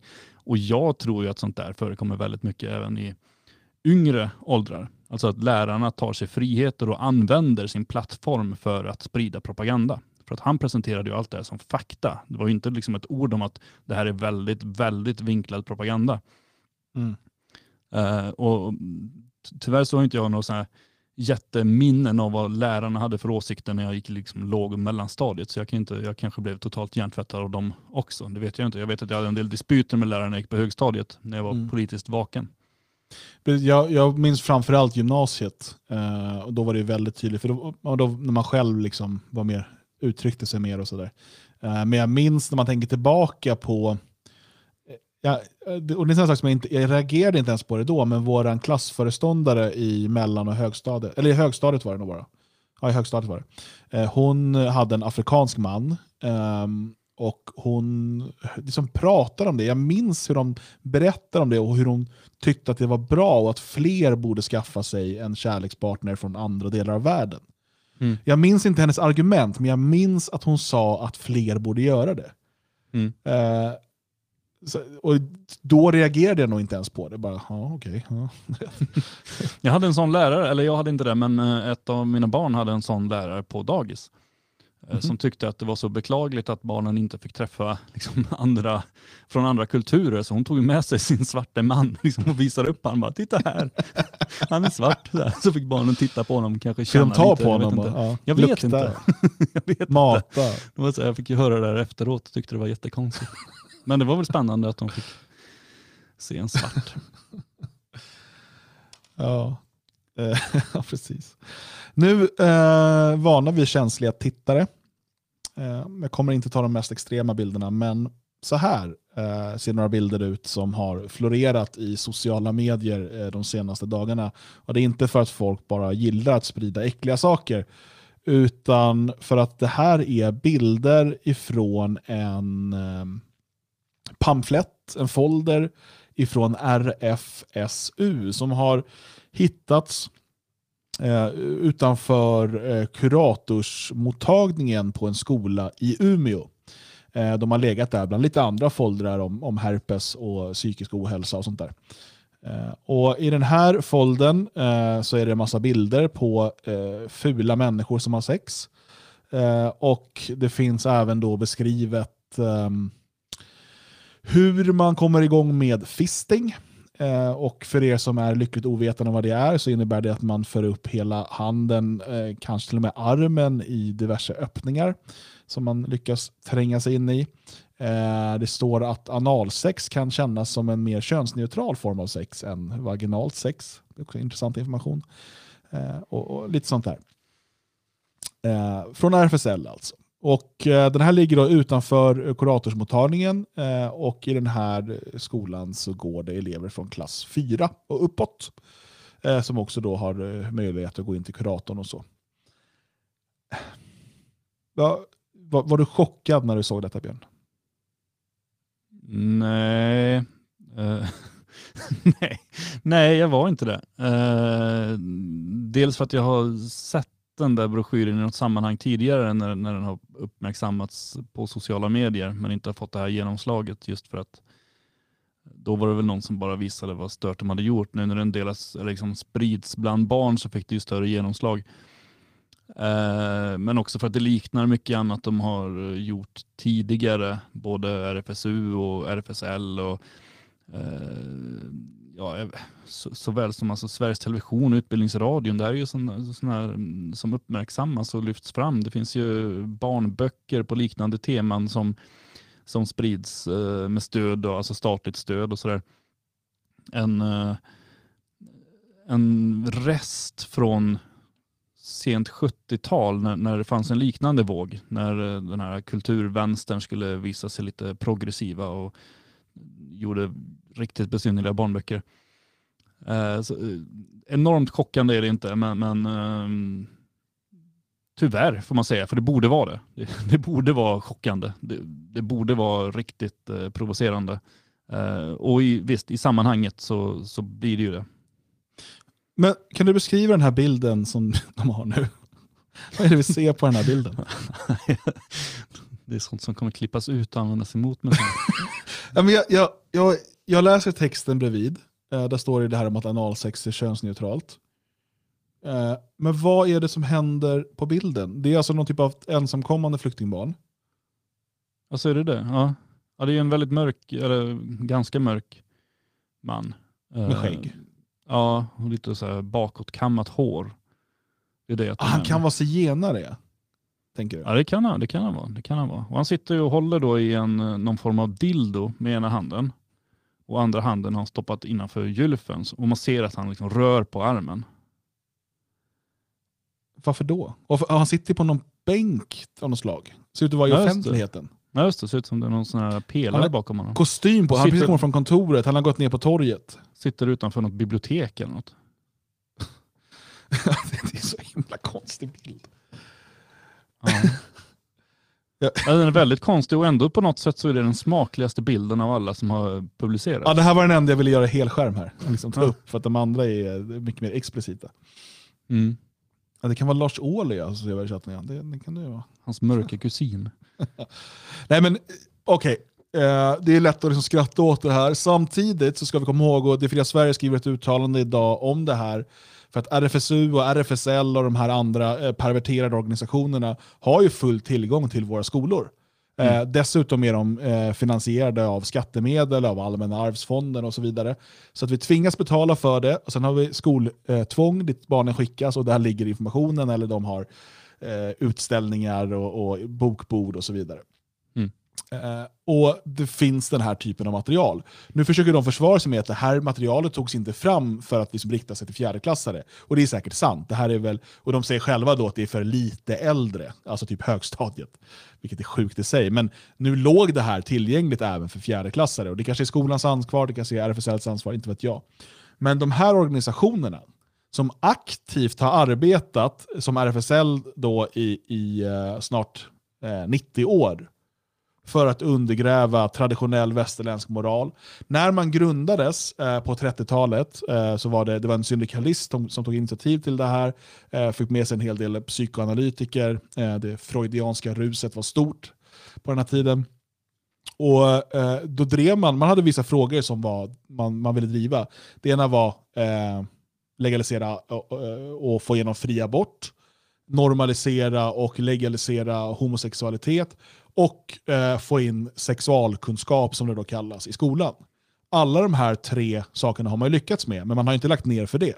Ja, och så preventivmedel var ju en viktig Ja, fråga. precis. Eh, preventivmedel och p-piller. Och, ja, precis, det är en typ av preventivmedel. Eh, alla de här sakerna har man ju lyckats med. Mm. Men eh, man har ju bara fortsatt flytta målstolparna. Jo men så är det ju. Ehm, definitivt. det, är- ja, men det, det, det är ju så groteskt. Jag menar, vadå, riktas till lite större barn? Bara en Mm. sån sak, alltså, varför gör man sådana bilder? Eh, dels alltså, eh, visst man, man kanske har en idealiserad bild av, av sex, men jag menar, de, de, de skapar ju de fulaste varelserna man kan teckna. Liksom. Det, det är ju groteskt eh, avskyvärda bilder. Eh, och så alla raser och det är liksom en sån eh, alltså, orgie i groteskhet. Inte bara liksom i handlingarna utan även i hela utseendet, hela bilden man förmedlar är ju vidrig. Mm. Jag, jag fattar inte vad man vill göra. Alltså jag tror att de gillar det äckliga. Alltså det är Ja. det som är, alltså jag menar även utseendemässigt och sådär. Dels handlar det om att visa sig, men att de är mot skönhetsnormer och, och sådana här dumheter. Eh, och eh, dels så, uh, det gick inte som jag ville. Eh, det, dels så handlar det om att de, de vill lyfta upp det, det osmakliga. Mm. Alltså, det är bara att titta på för man måste bara konstatera att vänstern, alltså det här är ett vänsterprojekt. RFSL är ett vänster, en vänsterorganisation. Har alltid Mm. varit och, och kommer alltid vara. Eh, idén om sexualkunskap i skolan är ett vänsterprojekt. Idén om fri abort är ett vänsterprojekt. Idén om normaliserad och legaliserad homosexualitet är ett vänsterprojekt. Eh, alla de saker som eh, har varit emot det här, alltså traditionella eh, familjevärderingar, ehm, kyrkan, eh, som familj, kyrka, hembygd och så vidare. Det anses ju som borgerliga värderingar. Mm. Alltså kommunisterna eh, jobbade hårt för att stämpla allt sånt som, som är grundläggande för människans identitet som borger, borgerligt. För att det stod i vägen för skapandet av den nya världsmedborgaren, den nya Sovjetmänniskan. Och eh, vänstern har fortsatt i de här, eh, i de här spåren såklart. Det, det är liksom en, en, um, en, en vänsterorganisation. Jag vet inte riktigt var jag ska komma någonstans. Det händer så mycket saker på min skärm. Jo, nej, men samtidigt, jag menar, det här är någonting man verkligen har lyft fram i somliga länder. Men jag menar, det var inte så att eh, man hyllade liksom, dekadensen på det sättet i de kommunistiska staterna, utan det är framförallt i, i stater där kommunisterna inte har varit majoritet. Det har varit somliga försök, till exempel i Sovjetunionen var ju homosexualitet lagligt en period, men det gick väl inget bra om jag inte minns fel, Mm. så man, man förbjöd det. Eh, och det har ju varit diverse sådana det, det har framförallt varit liksom ett vapen för att uh, söndra det kapitalistiska samhället, det fascistiska samhället som man har sett utanför de kommunistiska lyckorikena. Uh, det är framförallt där den här propagandan har riktats stenhårt. Mm. Skulle jag säga att det har suttit från början människor och tänkt att hur ska vi förstöra, hur ska vi försvaga fienden? Jag vill lyfta fram allt det här. Mm. Sen har de ju gått på sin egen propaganda och, och, och flippat ur på det sättet. Jag menar, de ursprungliga kommunisterna var ju ofta ganska hårda män. Idag är det ju det sista man skulle använda som, som eh, begrepp på, på majoriteten av vänstern. Precis, det jag ville komma till där med vänstern, det är ju att eh, just den här fascinationen för det fula eh, och äckliga är ju liksom genomgående. Vi kan ju prata arkitektur till exempel. Och liksom, det är bara, om man, här där jag bor då som var kommunistiskt under, under 50 år, eh, det är bara att ta sig en titt på de områden som man smällde upp. Då. Det får till och med svenska miljonprogrammet att framstå som skönt ibland. Ja, det var ju Ehm, förvaringsplatser enbart. ja. Men samtidigt så var de ju duktiga på att skapa pampiga statyer till exempel. Ja, eh, som då skulle på något sätt utstråla partiets storhet. Ja, Mm. mycket det, det, det är ganska obehagligt allt det där. Men sen har det ju det som är, har blivit då kommit med kulturmarxismen eh, nu sen från då 60-talet och framåt med det vi ser idag som mäns konst och alla de här sakerna som, som normala människor anser vara äckligt och liksom motbjudande. Och som de tycker är fascinerande, kanske till och med vackert. Eh, Det är väldigt, väldigt förvridna hjärnor på det sättet. eh, Mm. Som, som, som är, kan vara svåra för oss andra att förstå. Men om vi förstår att vänstern gärna lyfter upp och fascineras av det, det fula och det äckliga. Jag sa ett ord här som de till exempel vill få bort ur vårt vokabulär. Normal. Mm. Så normala människor. Det finns inget normalt. Nej, men, det men det finns ändå en norm. Det är lite besynnerligt. Ja, men det ska ju bort. det ska bort. Så att inget, inget utan alla, det, det är ju också någon idé om att om det inte finns några normer så betyder det att alla är fria, för då, då liksom blommar ens innersta väsen ut på något sätt. Mm. Och då kommer vi alla rulla runt i mänskonst. Underbara framtid. Ja. Ehm, nej, så att, eh, läs gärna uttalandet på Det fria Sveriges hemsida angående RFSU i skolan. Eh, det är självklart att de här inte ska ha någon tillgång till svensk skola. Och du som har barn i svensk skola, får du veta att RFSU eller RFSL ska komma dit, eller att det ska vara sexualkunskap i skolan. Eh, jag tycker du ska hålla ditt barn hemma. Eh, du kan också förklara varför du gör det. Eh, det för mig det är så, det är helt absurt att att eh, man har sexualkunskap i skolan. Absolut liksom biologi, att berätta grundläggande om blommor och bin. Men det jag har sett ifrån utbildningsmaterial i, i svensk sexualkunskap idag så är det helt andra saker. Ja, så det hade varit betydligt mer rimligt att ha någon form av liksom förberedande för familjebildning. Någon sån form, alltså utvidgad hemkunskap eller så, där man lär sig att ta hand om ett hem. Mm. Liksom, hur, hur sköter man en, en kamin? så här, såna här saker. Hur tar man hand om sin familj? Eh, det hade ju varit betydligt mer rimligt och betydligt mer användbart. Eh, sexuella aktiviteter, det hittar man ändå. Det ligger liksom inbyggt. Mm.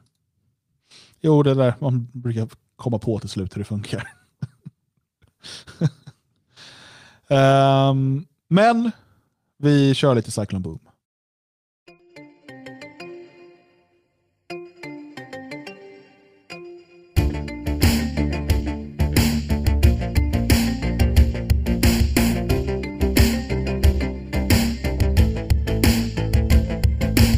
Aldrig gå att andas bland er apor och primater. Aldrig tycks det finnas äkta präster och soldater. Blott och bart bajspackare och ditåt bajssnackare. Coolast killen i klassen är någon kukig Linux-hackare. Jag skriker och svär och spottar som 68 dampbarn. För allas blickar är lika enfaldiga på 68 svampbarn. Kamphund mot kampbarn, det är det värdaste vadet. Kokar din mamma och dränker dig i spadet vid Nydalabadet. Första förbättring föredras i vår nation. Den fullständiga förintelsen av all sorts television. Alla som har vänner som ser på vänner ska stå vid pålen på bålen som den här inga pågen bränner. Jag frågar Olle, hur djup kan kniven komma ditt kranium? Och vidare Nanny, vill du ha blåsyra eller barium? En extreme makeover för ännu ett halvfult luder. Hackar, mal och stoppar och ger bort som korv. Jag bjuder! Allt försmäktar under mongoloismens vind. Hela samhällsapparaten är totalt fucked som Anna Lind. Jävligt vidrigt hörru, du är för fan sjuk. Jo, det var lite väl osmakligt som Anna Linds buk. Men ge det för fan, sluta skoja med hennes liv. Som samhällskritiker måste jag vara skarp som en serbisk morakniv. Är på driv, jag vill tanka på BP och banka ett CP. För livet känns stundom lika sämst som IOGT. Världens främsta artist är fortfarande Hulk Hogan. Och visst, jag är marxist, men bara vad avser judefrågan. För att slakta tristessen har jag blivit en bärs ninja. Lika säker som att gröna skosnöre i doxer betyder gay bashing. Du är bög, som alla som pysslar med live. Du är bög, som alla som tittar på Fab Five. Du är bög, som alla som gillar Gudrun Schyman. Du är bög, som inte dricker öl, så käka bly. Man är bög, som alla som pysslar med live. Du är bög, som alla som tittar på Fab Five. Du är bög, som alla som gillar Gudrun Schyman. Du är bög, som inte dricker öl, så käka bly. Man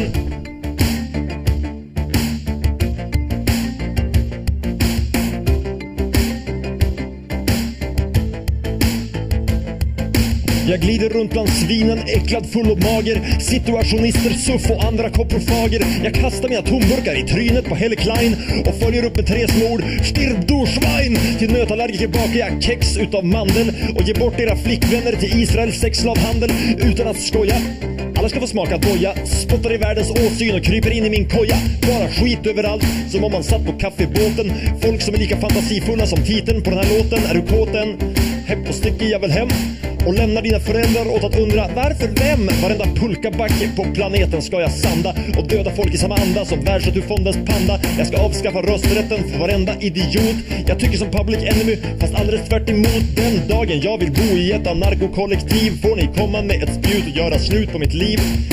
Äckliga fake-killar som vill få brudar emanciperade. Men hörni, vill ni knulla finns det faktiskt prostituerade. Jag ska flytta så långt man kommer, långt bortom Norrland tallar Och bo uppe vid Arktis med ett hov av skinnskallar. På en tron av lastpallar och ett bord belamrat med folköl. Medan ni vidriga vänsterguppis förblöder i en holkpöl Den enda fördelen med direktdemokrati är hastigheten. Det lär gå cirka 50 gånger så fort att paja planeten. Jag har hört all er skit om att återerövra gatan. Men det var fan aldrig eran så håll käften för satan. Du är bög, som alla som Pysslar med live, du är bög som alla som tittar på Fab Five, du är bög som alla som gillar Gudrun Schyman, du är bög som inte dricker öl, så käka Blyman. Du är bög som alla som pysslar med live, du är bög som alla som tittar på Fab Five, du är bög som alla som gillar Gudrun Schyman, du är bög som inte dricker öl, så käka Blyman. Du är bög som alla som pysslar med live, du är bög som alla som tittar på Fab Five, du är bög som alla som gillar Gudrun Schyman, du är bög som inte dricker öl, så käka Blyman. Cyclone Boom med Du är bög. Ja, så kan det vara. Känner du dig personligt angripen? Eh, inte alls faktiskt. Ja, jag har några vänner som tittar på vänner faktiskt. Eller som har gjort. Har du aldrig tittat på vänner själv? Jo, fast de, de räknas ju inte i låten utan det är de som har vänner som tittar på vänner.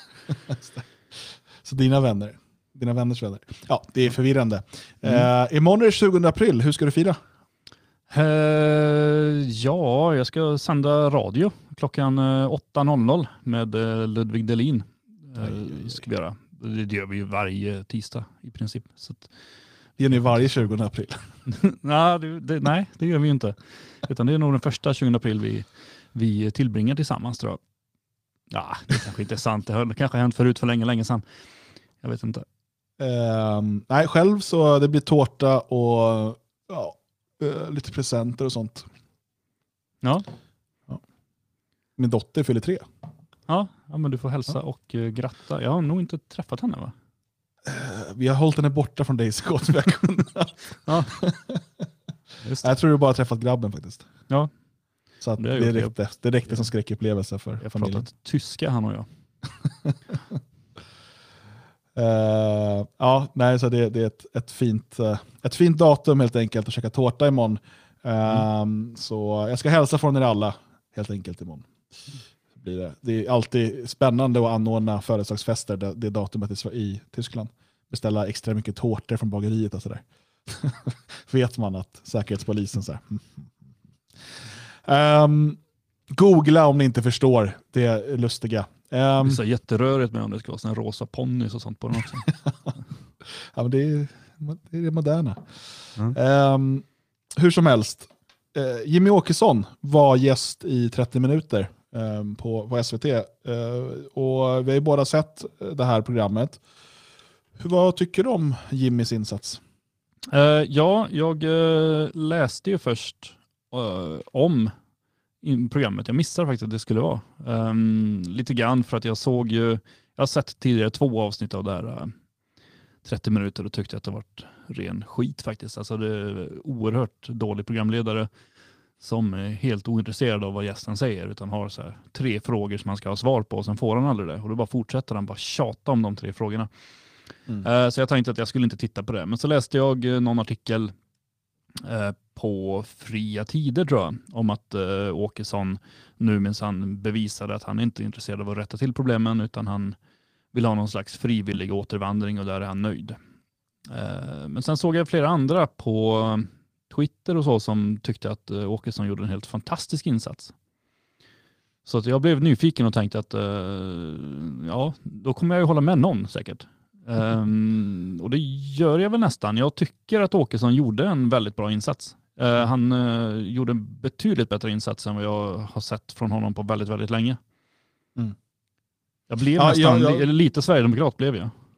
Ja, eh, det finns fler saker som gör att jag blir lite sverigedemokrat, vi kan komma till det sen. Men jag tycker också, alltså, sett utifrån förutsättningarna och att han är sverigedemokrat, eh, så är det på liksom den, den övre skalan, så att säga, utav vad, vad man kan förvänta sig. Eh, lite mer än vad jag hade förväntat mig. Eh, och eh, Det är klart att jag själv hade velat säga en massa andra saker, men det är betydligt bättre det han sa också rent politiskt när de pratar återvandring och så vidare än det som de sa för två år sedan. Mm.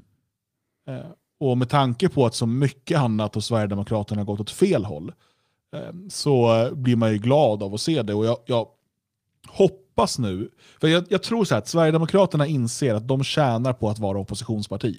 Ja. Det är inte jättebra för dem att bli stödhjul åt en MKD-regering som de inte har stort inflytande över. Och det kan också vara dåligt för dem, att, även om de får ministerposter och så, för att de kan inte bestämma allt själva. De måste kompromissa Mm. och de vet att SD-väljarna inte riktigt kommer att förstå sig för det. Mm.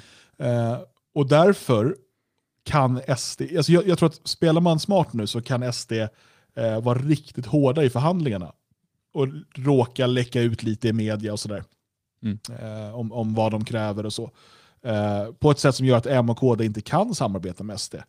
Och jag tror att det här är en liksom win-win situation i, i, på längre sikt. För att om, om SD kräver dels nollinvandring och de, dels netto återvandring eller vad de kallar det för. Mm. Ehm, och M och KD inte går med på det, då är det bara nej, då, får ni inte, då har inte ni någon regering. Nej. Och eh, Visst, propagandan då kommer säga, jag hörde att han försökte lite där i 30 minuter, ehm, att, men då släpper ju ni fram Löfven. Att det är det Ja. man kommer trycka då. M och KD kommer säga att ah, det är SDs fel att Löfven Mm. blir statsminister. Men nej.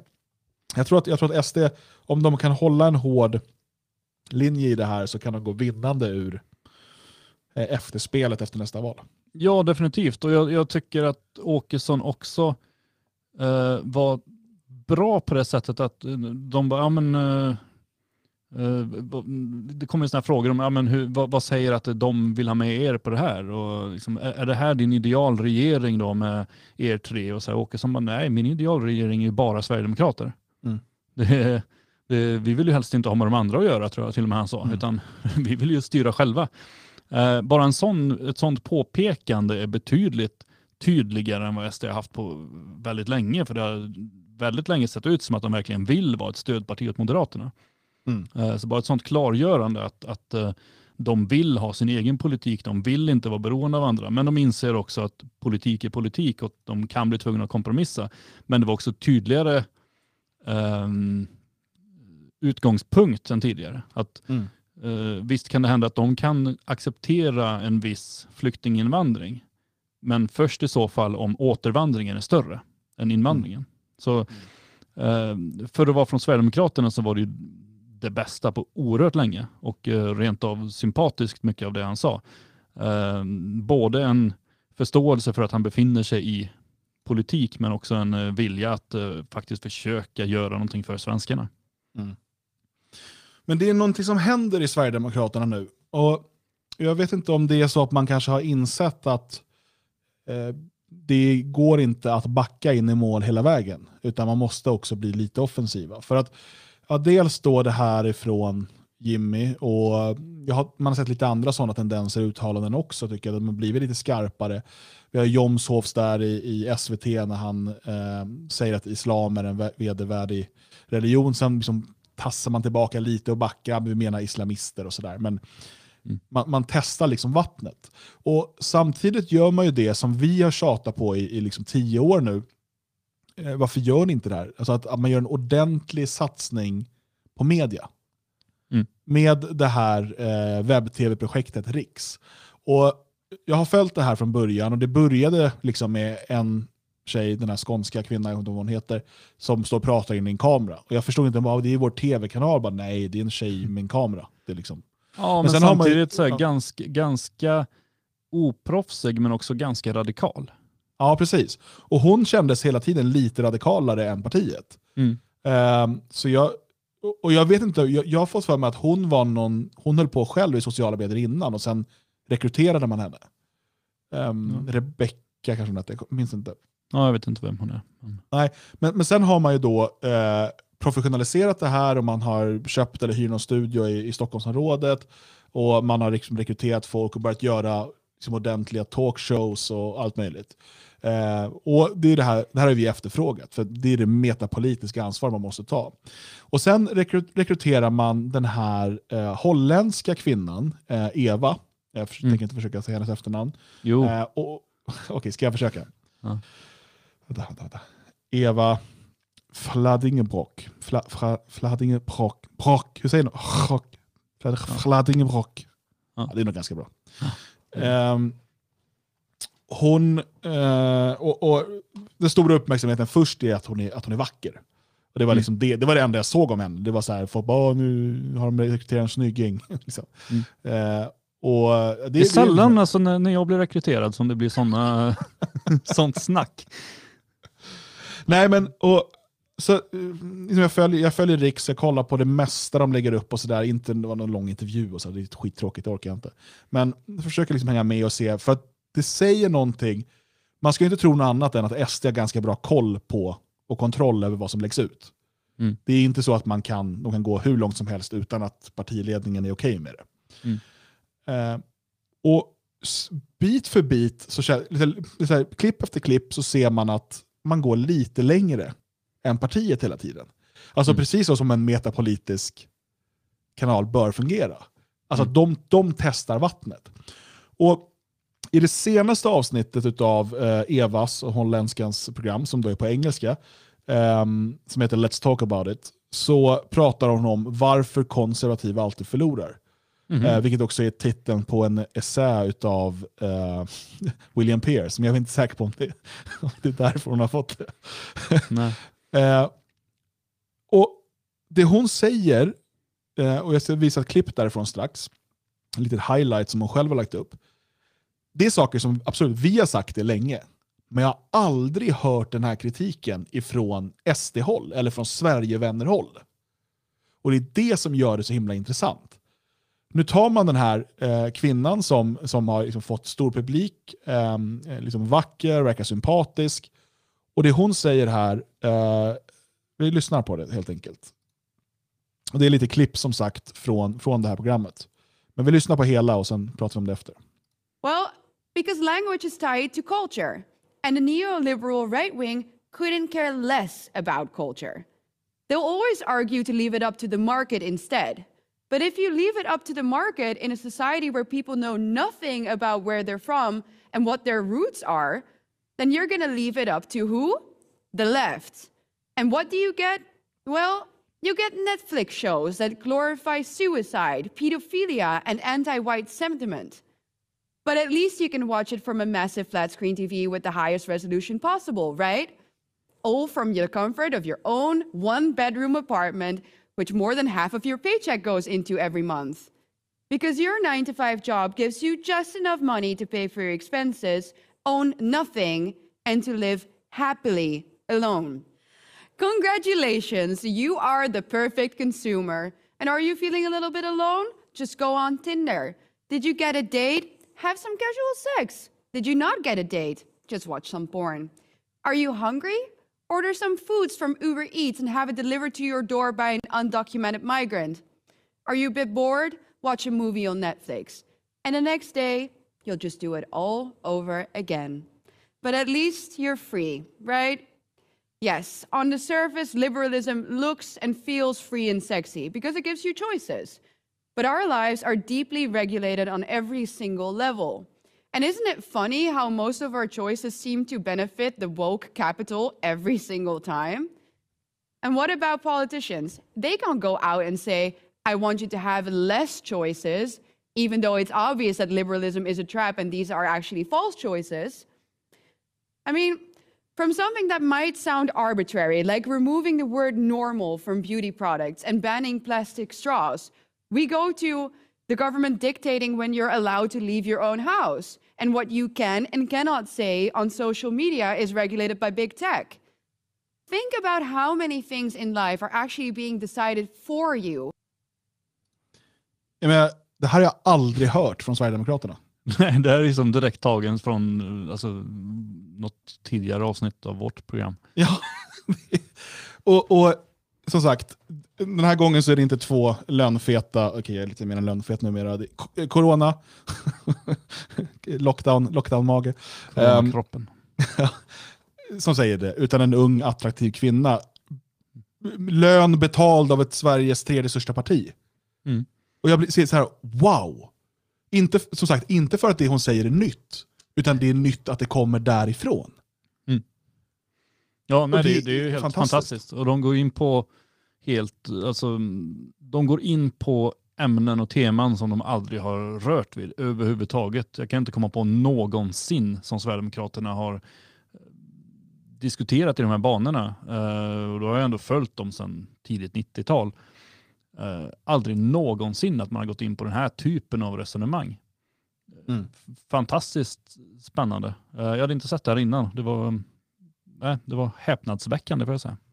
Ja, och, och liksom... Nej, och, och det, då, så här, vi klagar ju ofta på Sverigedemokraterna, men här måste man ju säga då att, för är det här någonting som kommer fortsätta? Att den här typen utav, jag menar det, här, det hon säger här ligger ju helt, för mig då, ideologiskt i linje med vad jag själv, liksom min, min egen kritik mot liksom, liberalism och övertro till, till marknaden, eh, big tech, allt det här. Eh, kan man fortsätta med den här typen av saker? Dessutom, och det här måste påpekas, från en attraktiv kvinna för att det gör att fler lyssnar. Det, det är som det är, det är bara att acceptera det. Eh, och det här kan få, för då kommer det här få metapolitisk påverkan. Och det kommer i sin tur påverka ungdomsförbundare i Sverigedemokraterna, eh, lokalpolitiker i Sverigedemokraterna. Plötsligt, men den här kritiken, absolut, vi har formulerat den under lång tid, men plötsligt kanske eh, kommunpolitiker eller landstings eller regionalpolitiker i Sverigedemokraterna, eller till och med riksdagspolitiker, börjar också formulera den här kritiken mot liksom Netflix-cykeln, konsumtionssamhället, allt det här som vi inte har hört från Sverigedemokraterna tidigare. Och plötsligt blir Sverigedemokraterna ett ganska intressant parti. Ja, ja alltså, i den bästa av världar. så, så jag vet inte, vi blir ju alltid besvikna på Sverigedemokraterna igen när vi börjar bli positiva. Men, men eh, man får ju ta till sig av de positiva aspekter som dyker upp, precis som vi gör när andra partier gör det. Och, och det här är ju det här är ju vad vi har efterlyst och det här är ju bättre än vad vi har vågat hoppas på. Nej, precis. Och, och om vi då inte ska vara naiva och tänka så här, "Ah, men kanske inte kommer göra Sverigedemokraterna till ett, liksom, det, hon ger uttryck för här är ju en typ, alltså jag, jag, jag är inne på att prata om liksom tredje positionism och traditionalism och så vidare. Mm. Hon är inne och tassar på de områdena. Det kanske inte kommer omforma Sverigedemokraterna till det idag, eh, och de kanske kommer fortsätta liksom, vara ett ganska jobbigt parti som vi har mycket kritik emot. Det är jag rätt övertygad om. Men den metapolitiska påverkan man gör nu med Riks eh, kan ju få följdeffekter om 10 år, om 20 år, kanske för ett annat parti. Ja. Eh, för sen, absolut, det går, vi skulle kunna sitta nu och kritisera Riks också. Eh, jag såg att någon nämnde här en diskussion mellan han Luai Ahmed och sen, eh, de har någon afrikansk, eh, eller adopterad eller halv, jag vet inte, kvinna, Emmy eller något sånt där. De håller ett samtal. Och såklart, jag håller inte med typ om någonting de säger, för de pratar om typ en multietnisk patriotism och sådär. Eh, alltså typiskt sverigedemokratisk grej. Eh, och vi hade kunnat välja ut det. Men, och det är så lätt att göra det, för att Sverigedemokraterna har gjort och gör så många fel. Men samtidigt så levereras det här, och det här hade inte gjorts möjligt utan att Sverigedemokraterna väljer att investera en del av sina pengar. Jag menar, hon har varit politiker i Nederländerna. Hon, eh, de får henne att flytta till Stockholm och börja jobba med projektet. Det lär inte varit gratis. Nej. Ehm, och, ja, och nu så sitter tiotusentals törstiga män och tittar på det här och bara, fan, vadå, är porr inte bra? Alltså någonstans väcker det liksom en tanke. Och, och de, den, äntligen så gör de där jäkla eh, part, eh, partibidragen lite härlig nytta också. Jo, jo men och då är det ju, jag menar, även om de gör mycket dåliga grejer tydligen då, jag har sett väldigt lite på vad, vad, vad de har, eh, ja, jag har inte det, jag skulle säga att det mesta, det mesta är okej, skulle min dom vara. Mm, en jag- del är riktigt dåligt, och det här till exempel är riktigt bra. Ja, jag har ingen aning vad de, vad de sänder egentligen. I princip jag har sett tre program tror jag totalt. Eh, Men, men menar, även om de gör mycket dåligt eh, som förväntas av dem så kan sådana här inslag väga så mycket tyngre därför att det slår in så hårt från ett annat håll eh, och kan förhoppningsvis dels väcka tankar hos många människor men även legitimera tankar som folk i partiet redan har. Mm. Eh, vilket kan eh, göra betydligt mycket mer nytta än hundra meningslösa inslag med, med den här eh, integrationsbögen som brukar eh, sitta och luras i, på sociala medier. Eh, det här kan ju göra mycket mer nytta än vad det kan förstöra. Det är jag Mm. helt övertygad om. Precis som det gör mer nytta, alltså som, som vi var inne på när vi pratade om eh, Bulletin till exempel. Att de här människorna hade gjort mycket mer nytta om de var kvar på sina gamla mainstream-tidningar Mm. än att de skulle samlas på ett ställe där ingen läser dem. Mm. Eh, samma sak här. Det här kan ju göra jättenytta och jag hoppas att det fortsätter på det här sättet. Vi kan ju säga till Eva också då, jag vet att hon lär sig lite svenska nu, att skulle de vara taskiga på SD så Svenskarnas hus, det finns säkert något jobb för dig. De får byta efternamn. Du måste kunna uttala efternamnet. Här. Men eh, det skulle kunna få bli eh, väderflicka kanske ikväll med Svegot. Det vore kul om vi kunde ha sista fem minuterna med väderflicka. Ja. Förlåt Eva, jag, jag är sexist, jag håller på så här. Det, det, det är sånt som faller mig in. Ja, eh, nej men så att vi ska väl vara eh, positiva när positiva saker eh, görs helt enkelt. Eh, strax är det dags för öl med Svegot. Eh, det är det inofficiella eftersnacket på Telegram. Om du inte redan är med där så eh, ladda ner Telegram och gå med i Radio Svegots chatt. Bara sök efter det så kommer du dit eh, och sen kommer det då efter programmet här startas en så kallad voice chat eh, där vi har lite eftersnack och umgås och den som vill eh, får öppna en öl eller någonting annat. Men det heter öl med Svegot för att jag kallar det för det. helt enkelt. Det här är inte sanktionerat från resten av vare sig redaktionen eller styrelsen. Nej, Utan, det är en majoritet som egentligen är lite emot det här. Jag försöker föra in de här eh, tyska eh, vanorna.